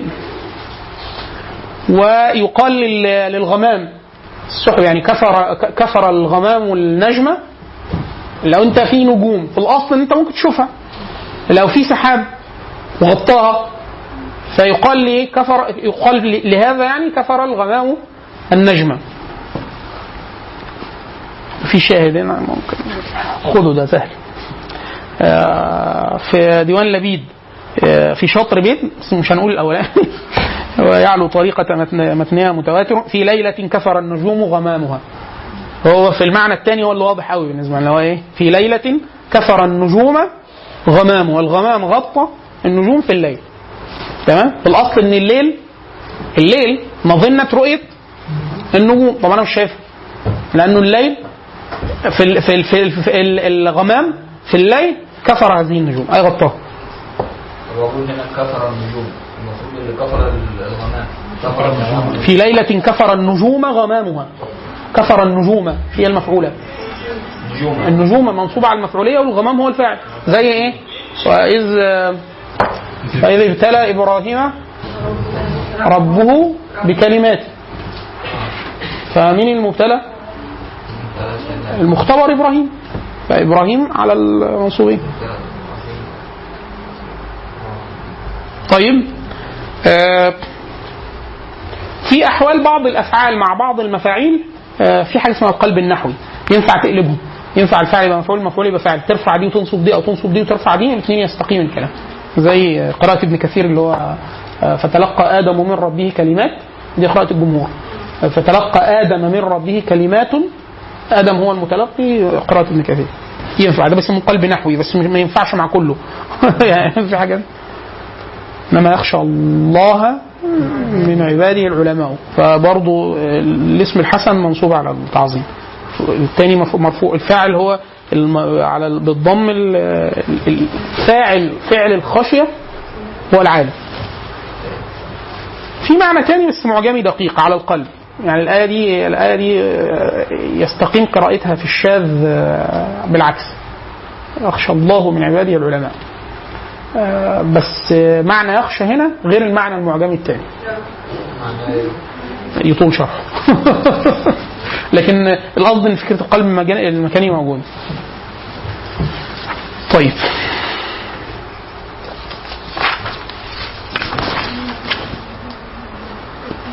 عشان كده إحنا أحيانا يقول لك إيه؟ النجوع والكفور. كفور. اسمعوا المصطلح؟ ليه الكفور؟ ليه متسمي الكفر كفر؟ آه كف زي كفر الشيخ. كفور. الكفور لأن بتغطي أو تجمع الناس السكان بتوعتها فكفر معناه إن مجموعة من الناس لو أنت شفتهم كده التجمع ده ما تشوفش الناس تشوف الإيه؟ ما يظهر لك من البنيان. فلو ما يحصل اجتماع بشري وعمراني لدرجة يبقى ده يتقال عليه كفر. لأن إيه؟ بيغطي أهله أو سكانه. خلاص؟ ومنها إحنا قلنا التكفير تكفير الذنوب يعني صح يعني النبي صلى الله عليه وسلم يروى عنه إن المؤ- المؤ- المؤمن مكفر. مكفر يعني؟ يعني مكفر يعني تمحى عنه ذنوبه بما يصاب من البلايا. فالمؤمن مكفر يعني كل ما يصاب به حتى النبي صلى الله عليه وسلم إحنا إيه الأمة يعني ليها خصيصه إن هو الشوكة يعني أنت وأنت قاعد حاجة وجعتك عيد بتاع كل ده مكفرات الذنوب. الحمى تجعل الذنوب تتحت كما يتحت الورق عن الشجرة. يعني أكنك شجرة وجي جه الفصل الثاني الورق كله وقع. الحمى والأمراض الثقيلة بتمحو ده كله. آه، وال وال والخوف والقلق. النبي صلى الله عليه وسلم في الحديث معنى, معنى الحديث عارفين لما أنت تبقى طالع ماشي معاك فلوس أو معاك موبايل وبعد كده وأنت ماشي للحظة تقول إيه ده؟ ده يكون وقع. في حديث بالمعنى مش فاكر اللفظ بس اللي هو إيه إن أنت بس الخوف اللي بيجي لك ده اللحظة دي اللي هو إيه وقع ولا وقع ده بيحط بي- بيحط الذنوب ده من الحاجات مكفرات الذنوب لأنه ده بلاء. مش كده سيدنا عمر بن الخطاب؟ وده معنى واسع دايما إحنا بنقول الع- العربية مفيدة. سيدنا عبد الله بن عمر آه سبحان الله ده من من يقول لك آه، ان ان إن ال- الإنسان إذا أصحاب البلايا في الدنيا آه، يوم القيامة آه، يقول لك فيؤتى بأشقى أهل الأرض من أهل الجنة فيغمز غمسة في الجنة فيقال هل رأيت شقاء قد فقل لا والله يا رب. مش حاجة مش فاكر حاجة. متأكد؟ لا. ليه؟ خلاص. هو راح فعلا سبحان الله. سيدنا عمر بن الخطاب كان مرة ماشي فاتقطع نعله. وكان نعل يعني مش مش حاجة مش غالي قوي فأول ما اتقطع فقال إنا لله وأنا إليه راجعون.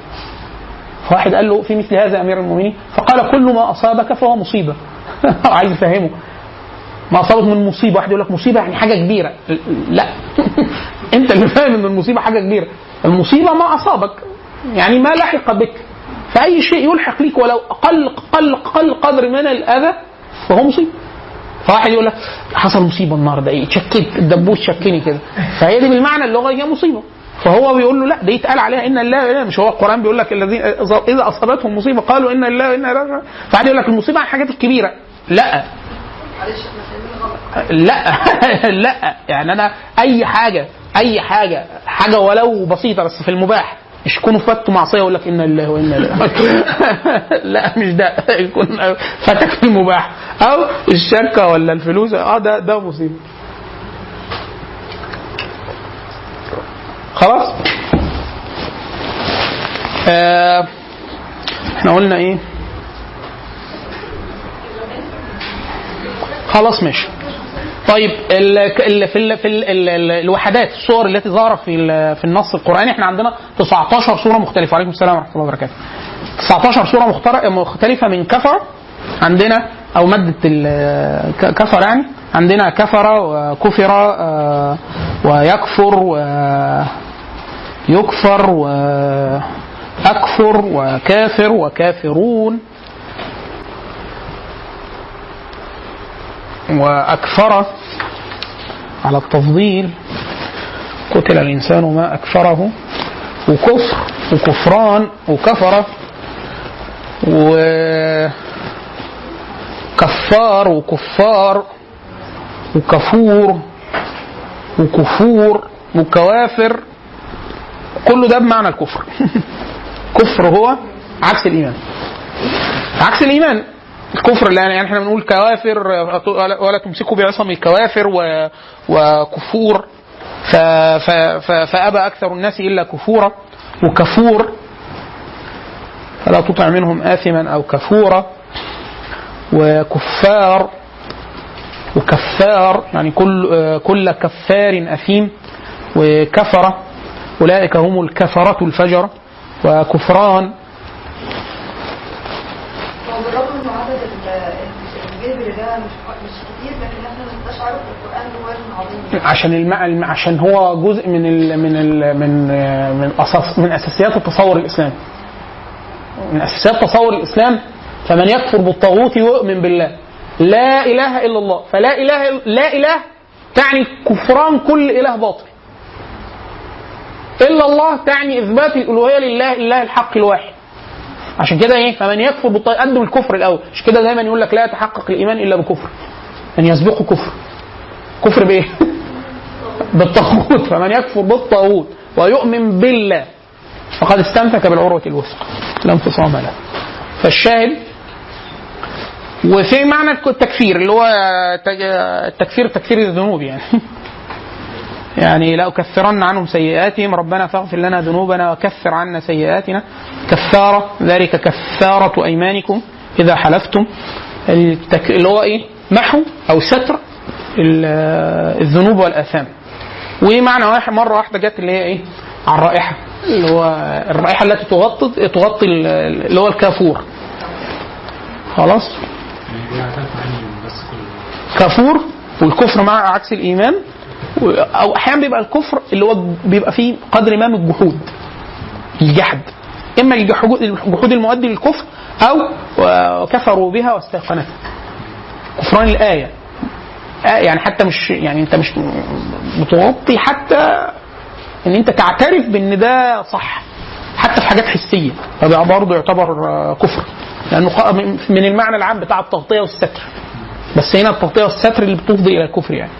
والتكفير الذنوب والأثام والمعاصي. ماشي؟ الجذر الآخر اس- بين؟ بينه بين آه. الباء والياء والنون. هو ورد 523 مرة.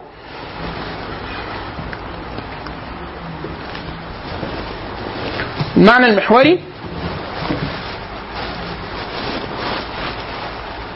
هو امتداد بين طرفين أو جانبين. أو حتى اتساع. اتساع ما بين طرفين أو اتساع ما بين جانبين أو امتداد ما بين طرفين أو امتداد ما بين جانبين تلاقي الجذر حضر معانا على طول. الباء والياء والنون. زي إيه؟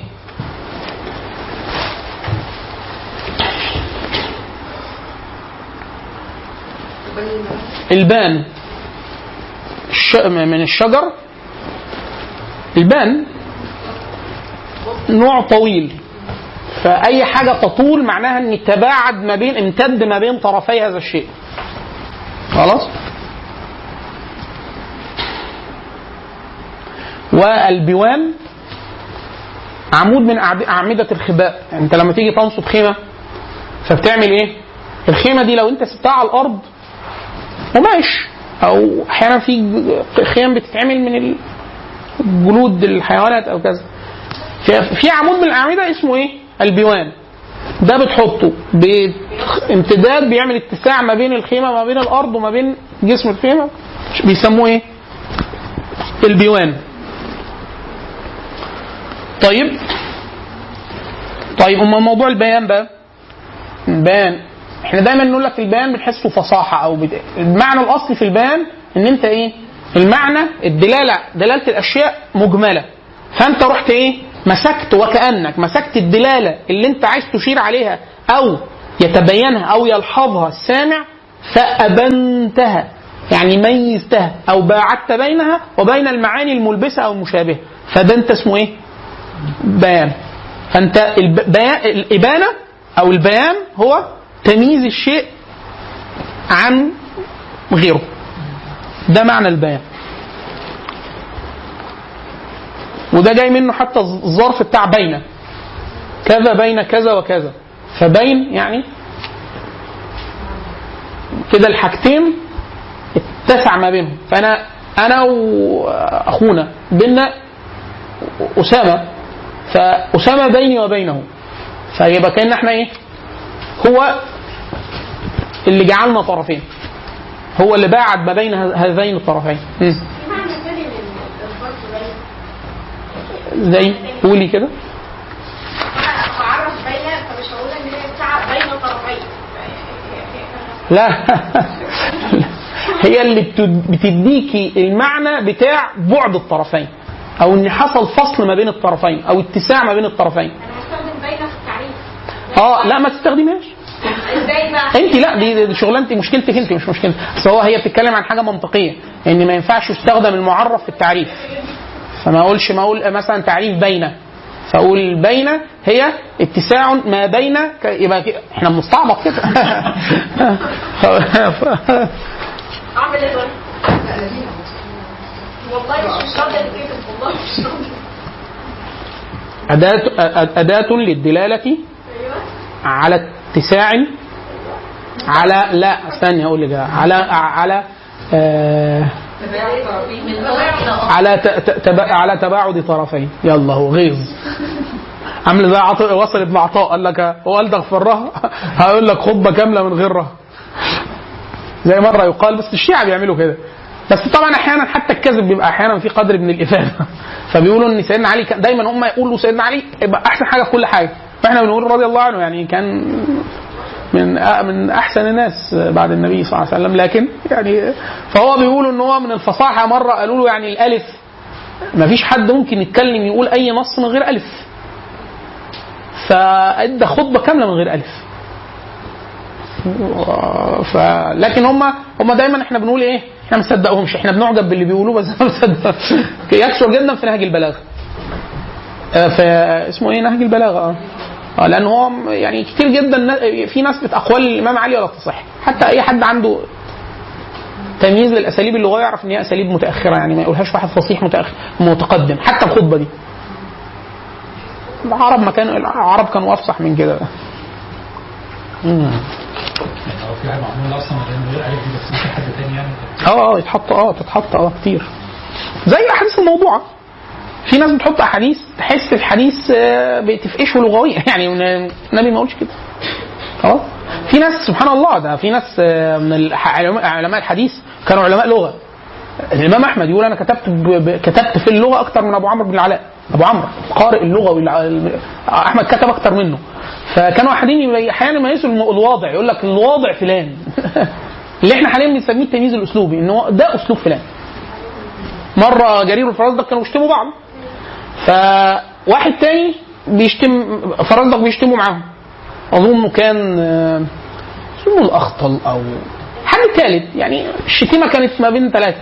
فواحد فيهم مش جرير هيشتم الفرزدق فعمل قصيدة مشيت معاه ووقفت عند بيت. عايز يقول المعنى مش راكب معاه. فمعدي جرير قال له انت بتعمل إيه؟ قال له بشتم ابن ال... كانوا يشتموا بعض بالاباط والامهات آه، أكتر نقاط. بس حافظت لنا 50% من غريب اللغة. الشتيمه اللي ما بينهم. هم قال له أدبهم وإحنا انتفعنا يعني. فقال له لا قول لي بس المعنى اللي عايز تقوله. قول لي كده الابيات فقال له الابيات قال له اكتب. وراح كتبه بيت. قال له بس خلاص. وراح جايب خمس أبيات تاني. فبيت القصيدة خمس أبيات من صناعته. وبيت لجرير. وخمسة ليه هو. فأول ما قابل الفرزدق قال له "ت- ت- تعلم ماذا أحدثت فيك؟ إيه اللي أنا قلته قال له هات قول الشعر فقال له قعد الفرزدق هو سامع هيسمع ويشتمه برضه بس هيسمع الأول. وهم كانوا زعلوا قوي على بعض لما أظن الفرزدق مات قبل جرير لما رفاه زعل لا هو هو خصم هو شايفه كفء ليه. كفء يعني العداوة فيها جزء من الحب على فكرة. شايف مرة واحد كان بدأ يشتم جرير كتير وفي قدر من السفول أكتر من فرزدق ما ردش عليه ولا مرة. فقالوا له ما تهجوه زي الفرزدق قال عرفنا فهجانا ولو عرفناه لهجوناه يعني هو نكرة. هو أنا لو اعرفه يعني أنا مع مين ده؟ قال لك بيشتمنا وأنا ما أعرفوش. حقير. فهو أبلغ شتيمة إن هو ما كانش تعرض ليه. فلما الفرزدق سمعوا خمس أبيات. وبعد كده قال البيت. كلها قصيدة مرة. نفس البحر نفس الميزان نفس القافية. فالخلل قال له هاتها كده قول تاني. فقالها. وجه عند البيت وراح واقف. قال له يعني إيه شتمه. يعني في الأول وبعد كده قال له قال له واضع هذا أفصح لح- لحيين منك. يعني واحد أفصح منك بكتير قوي اللي قال البيت ده مش بتاعك. جاب البيت في النص. قال له ده جرير طب بيت وموزون وقافية عادي ما يعني أنا جايب لك بحر بيت في بحر طويل وشتمك قبله خمس أبيات وشتمه بعده خمس أبيات. اشمعنى ده؟ قال له قائل هذا أفصح الحين منه مش أنت ده ده جرير وط- وجابه جابه ولا ما جابوش؟ هي ملكه الشاهد إن هو يتعرف يعني. ف دي تعريف من غير بين خلاص؟ ال- ومنه ال ومنه البين. زي قال له إيه بنت سعاد؟ بنت سعاد. إحنا عندنا كام بنت سعاد؟ سعاد دي اتهرت معانا في ال... عندنا سعاد كتير قوي. كتير وليلى كتير قوي وأسماء كتير قوي. آه ففي آه لا كتير فاطمة. يعني بس هي فاطمة فاطمة مهلا بعد هذا التدور. في كتير برضه فاطمة. أنا اسم مخدوم مش هت... ما تقلقيش. آه؟ آه، بانت سعاد فقو- فقلبي اليوم متبول من ذكر آه، الح- ال- بانت؟ يعني؟ بعدت. إيه بقى معنى البول؟ هو أحيانا عشان كده بيسموا آه، إيه؟ آه. آه. ال- ال- ال- الطلاق البائن. يعني إيه؟ انفصلوا بلا طيب. بنت سعاد بس تليك شواهد عندي ومعنى البينية طبعا في كتير قوي في الشعر أكتر من أن ينص عليها. زي أول المعلقة. المعلقة امرؤ امرؤ القيس. قفا قفا نبكي بين قفا نبكي من ذكرى حبيب ومنزلي بسقط اللواء بين الدخول بين آه، حلوة دي. شوفي هتعرفيها إزاي. خلاص؟ طيب. الإيه؟ بانت؟ ما هو الب... الب... بان الشيء بان, بان أو ظهر جاية من البيان. معناه يعني إيه بان؟ يعني آه آه تمايز عن غيره. فبان. عارف يقول لك إيه؟ آه الأمور بانت كده. يعني إيه بانت؟ يعني هي كانت ملتبسة بشيء. فلما انفصلت وباع بعد بينها وبين هذا الشيء المشتمل بانت. آه؟ بانت. عشان كده والبينة الأمر الواضح. البينة اللي هو جاية من البين والتاء دي اللي هي بتاعت التانيث. بينة. يعني الشيء الواضح يعني الواضح الذي امتاز عن غيره. انفصل فامتاز فاتضح دي البينه خلاص؟ والبيان برضو آه لأنه أبان عن الشيء يعني جلاه ففصله أو ميز ميز بينه وبين غيره. بس هنا بقى المعنى إن البيان أعم وأشمل من النطق. مش لازم يكون البيان بالنطق. يعني ممكن الش... الإنسان يبين عن الشيء بغير النطق. ممكن. ليه؟ بأي وسيلة تدل عليه. خلاص؟ أنا بقول لك أنا بينت لك كذا كذا كذا كذا مش لازم يكون أبنته ب مثل قول الله تعالى في القرآن ثم إن علينا بيانه. إخراجه من حد الإجمال للوضوح للتمايز ده البيان. بيانه. تمام؟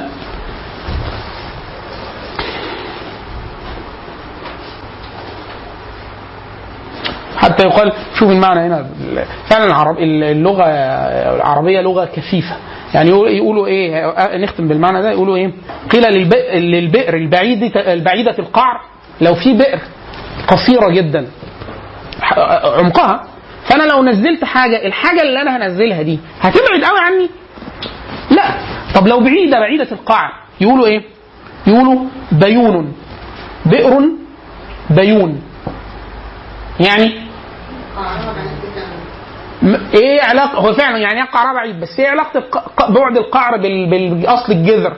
إن أنا البئر علاقتي بيها إيه؟ هنزل فيها دلو عشان آخد منها الحاجة. فبئر بيون يعني أقعد أنزل الحاجة فتبين يعني تبتعد جدا عني فبئر بيون. فمعنى من أصل يلمح فيه الايه آه و... و... وعكسه. إذا وصف الإنسان بعدم الإبانة أو الإبانة الوسيطة معناه إنه إيه؟ لا يستطيع أن يميز ما بين الأشياء لدرجة أنها تفعم عنه عشان كده فرعون لما أراد أن يسيء لموسى قال إيه؟ أنا خير من هذا الذي هو مهين ولا يكاد يبين يعني الإبانة مش تامه يكاد يعني يقارب ولا يقارب ولا يصيب. يقارب الشيء ولا يصيبه. فيكاد يبين يعني ولا- يكاد يبين يعني حتى ابانته ناقصه تمام؟ جاي 20 مرة في القرآن. طبعا بتجلياتها المختلفة. يبين مبين يستبين.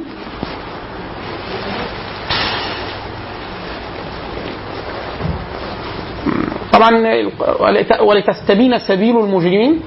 ولتستبين سبيل المجرمين. لتستبين سبيل المجرمين. انت انت اللي تتبينها. ولتستبين سبيل المجرمين هي تظهر وتتضح السبيل. فالسبيل هي اللي تظهر. تستبين انت تستبين سبيل لو على النصب والاثنين مقروء.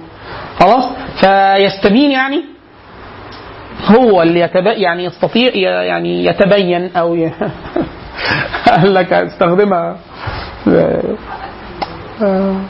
تست- تستطيع تمييز الشيء عن غيره من غير يبين.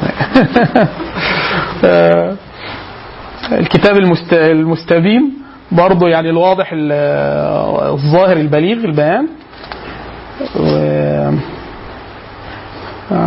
خلق الإنسان علمه البيان مطلق البيان أوسع من النطق ال- البيان البيان يعني. بيان للناس. بين بينات بينة آه، تبيان مبينات مبين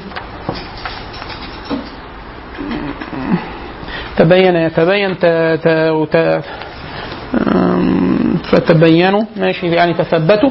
كلها من ال... يعني آه كانوا 20 بس كلهم إيه؟ كلهم ما بين بين اللي هي الظرفية وما بين آه، البيان اللي هو من الإبانة والوضوح. كنا هنقول شيء بس نتوقف عند هذا ال- القدر. آه، المرة الجاية إن شاء الله آه، إن شاء الله نبدأ نخلص الأوزان الصرفيه الأكثر شيوعا. بحيث تساعدنا بعد كده آه، في التنوع الدلالي. زي ما الأستاذة سألت يعني أمن وأمنة. الته الزيادة عملت إيه؟ آه الحروف الزوائد بتعمل إيه؟ وهكذا. ف 10 أوزان قليل مش كتير بس العشرة دول بيمثلوا عدد كبير جدا من المصحف. يعني المصحف القرآن كله فيه 80 وزن صرفي. من أصل أصل من أصل أكتر من 600 وزن صرفي. فالقرآن فيه 80 بس. العربية نظريا تحتمل أكتر من 600 660 600 يعني رقم كبير جدا في الأوزان أفعال وأسماء. ال 80 بيمثلوا كل البنية الصرفية بتاعت المصحف. العشرة تقريبا بيمثلوا 80% من المصحف. ف برضه إيه آه، ونخلصهم ونكمل ال- نكمل الجزء. المرة الجاية إن شاء الله ممكن نبدأ آه، بشيء الشين والياء والهمزة. سبحانك اللهم وبحمدك أشهد أن لا إله إلا أنت أستغفرك وأتوب إليك.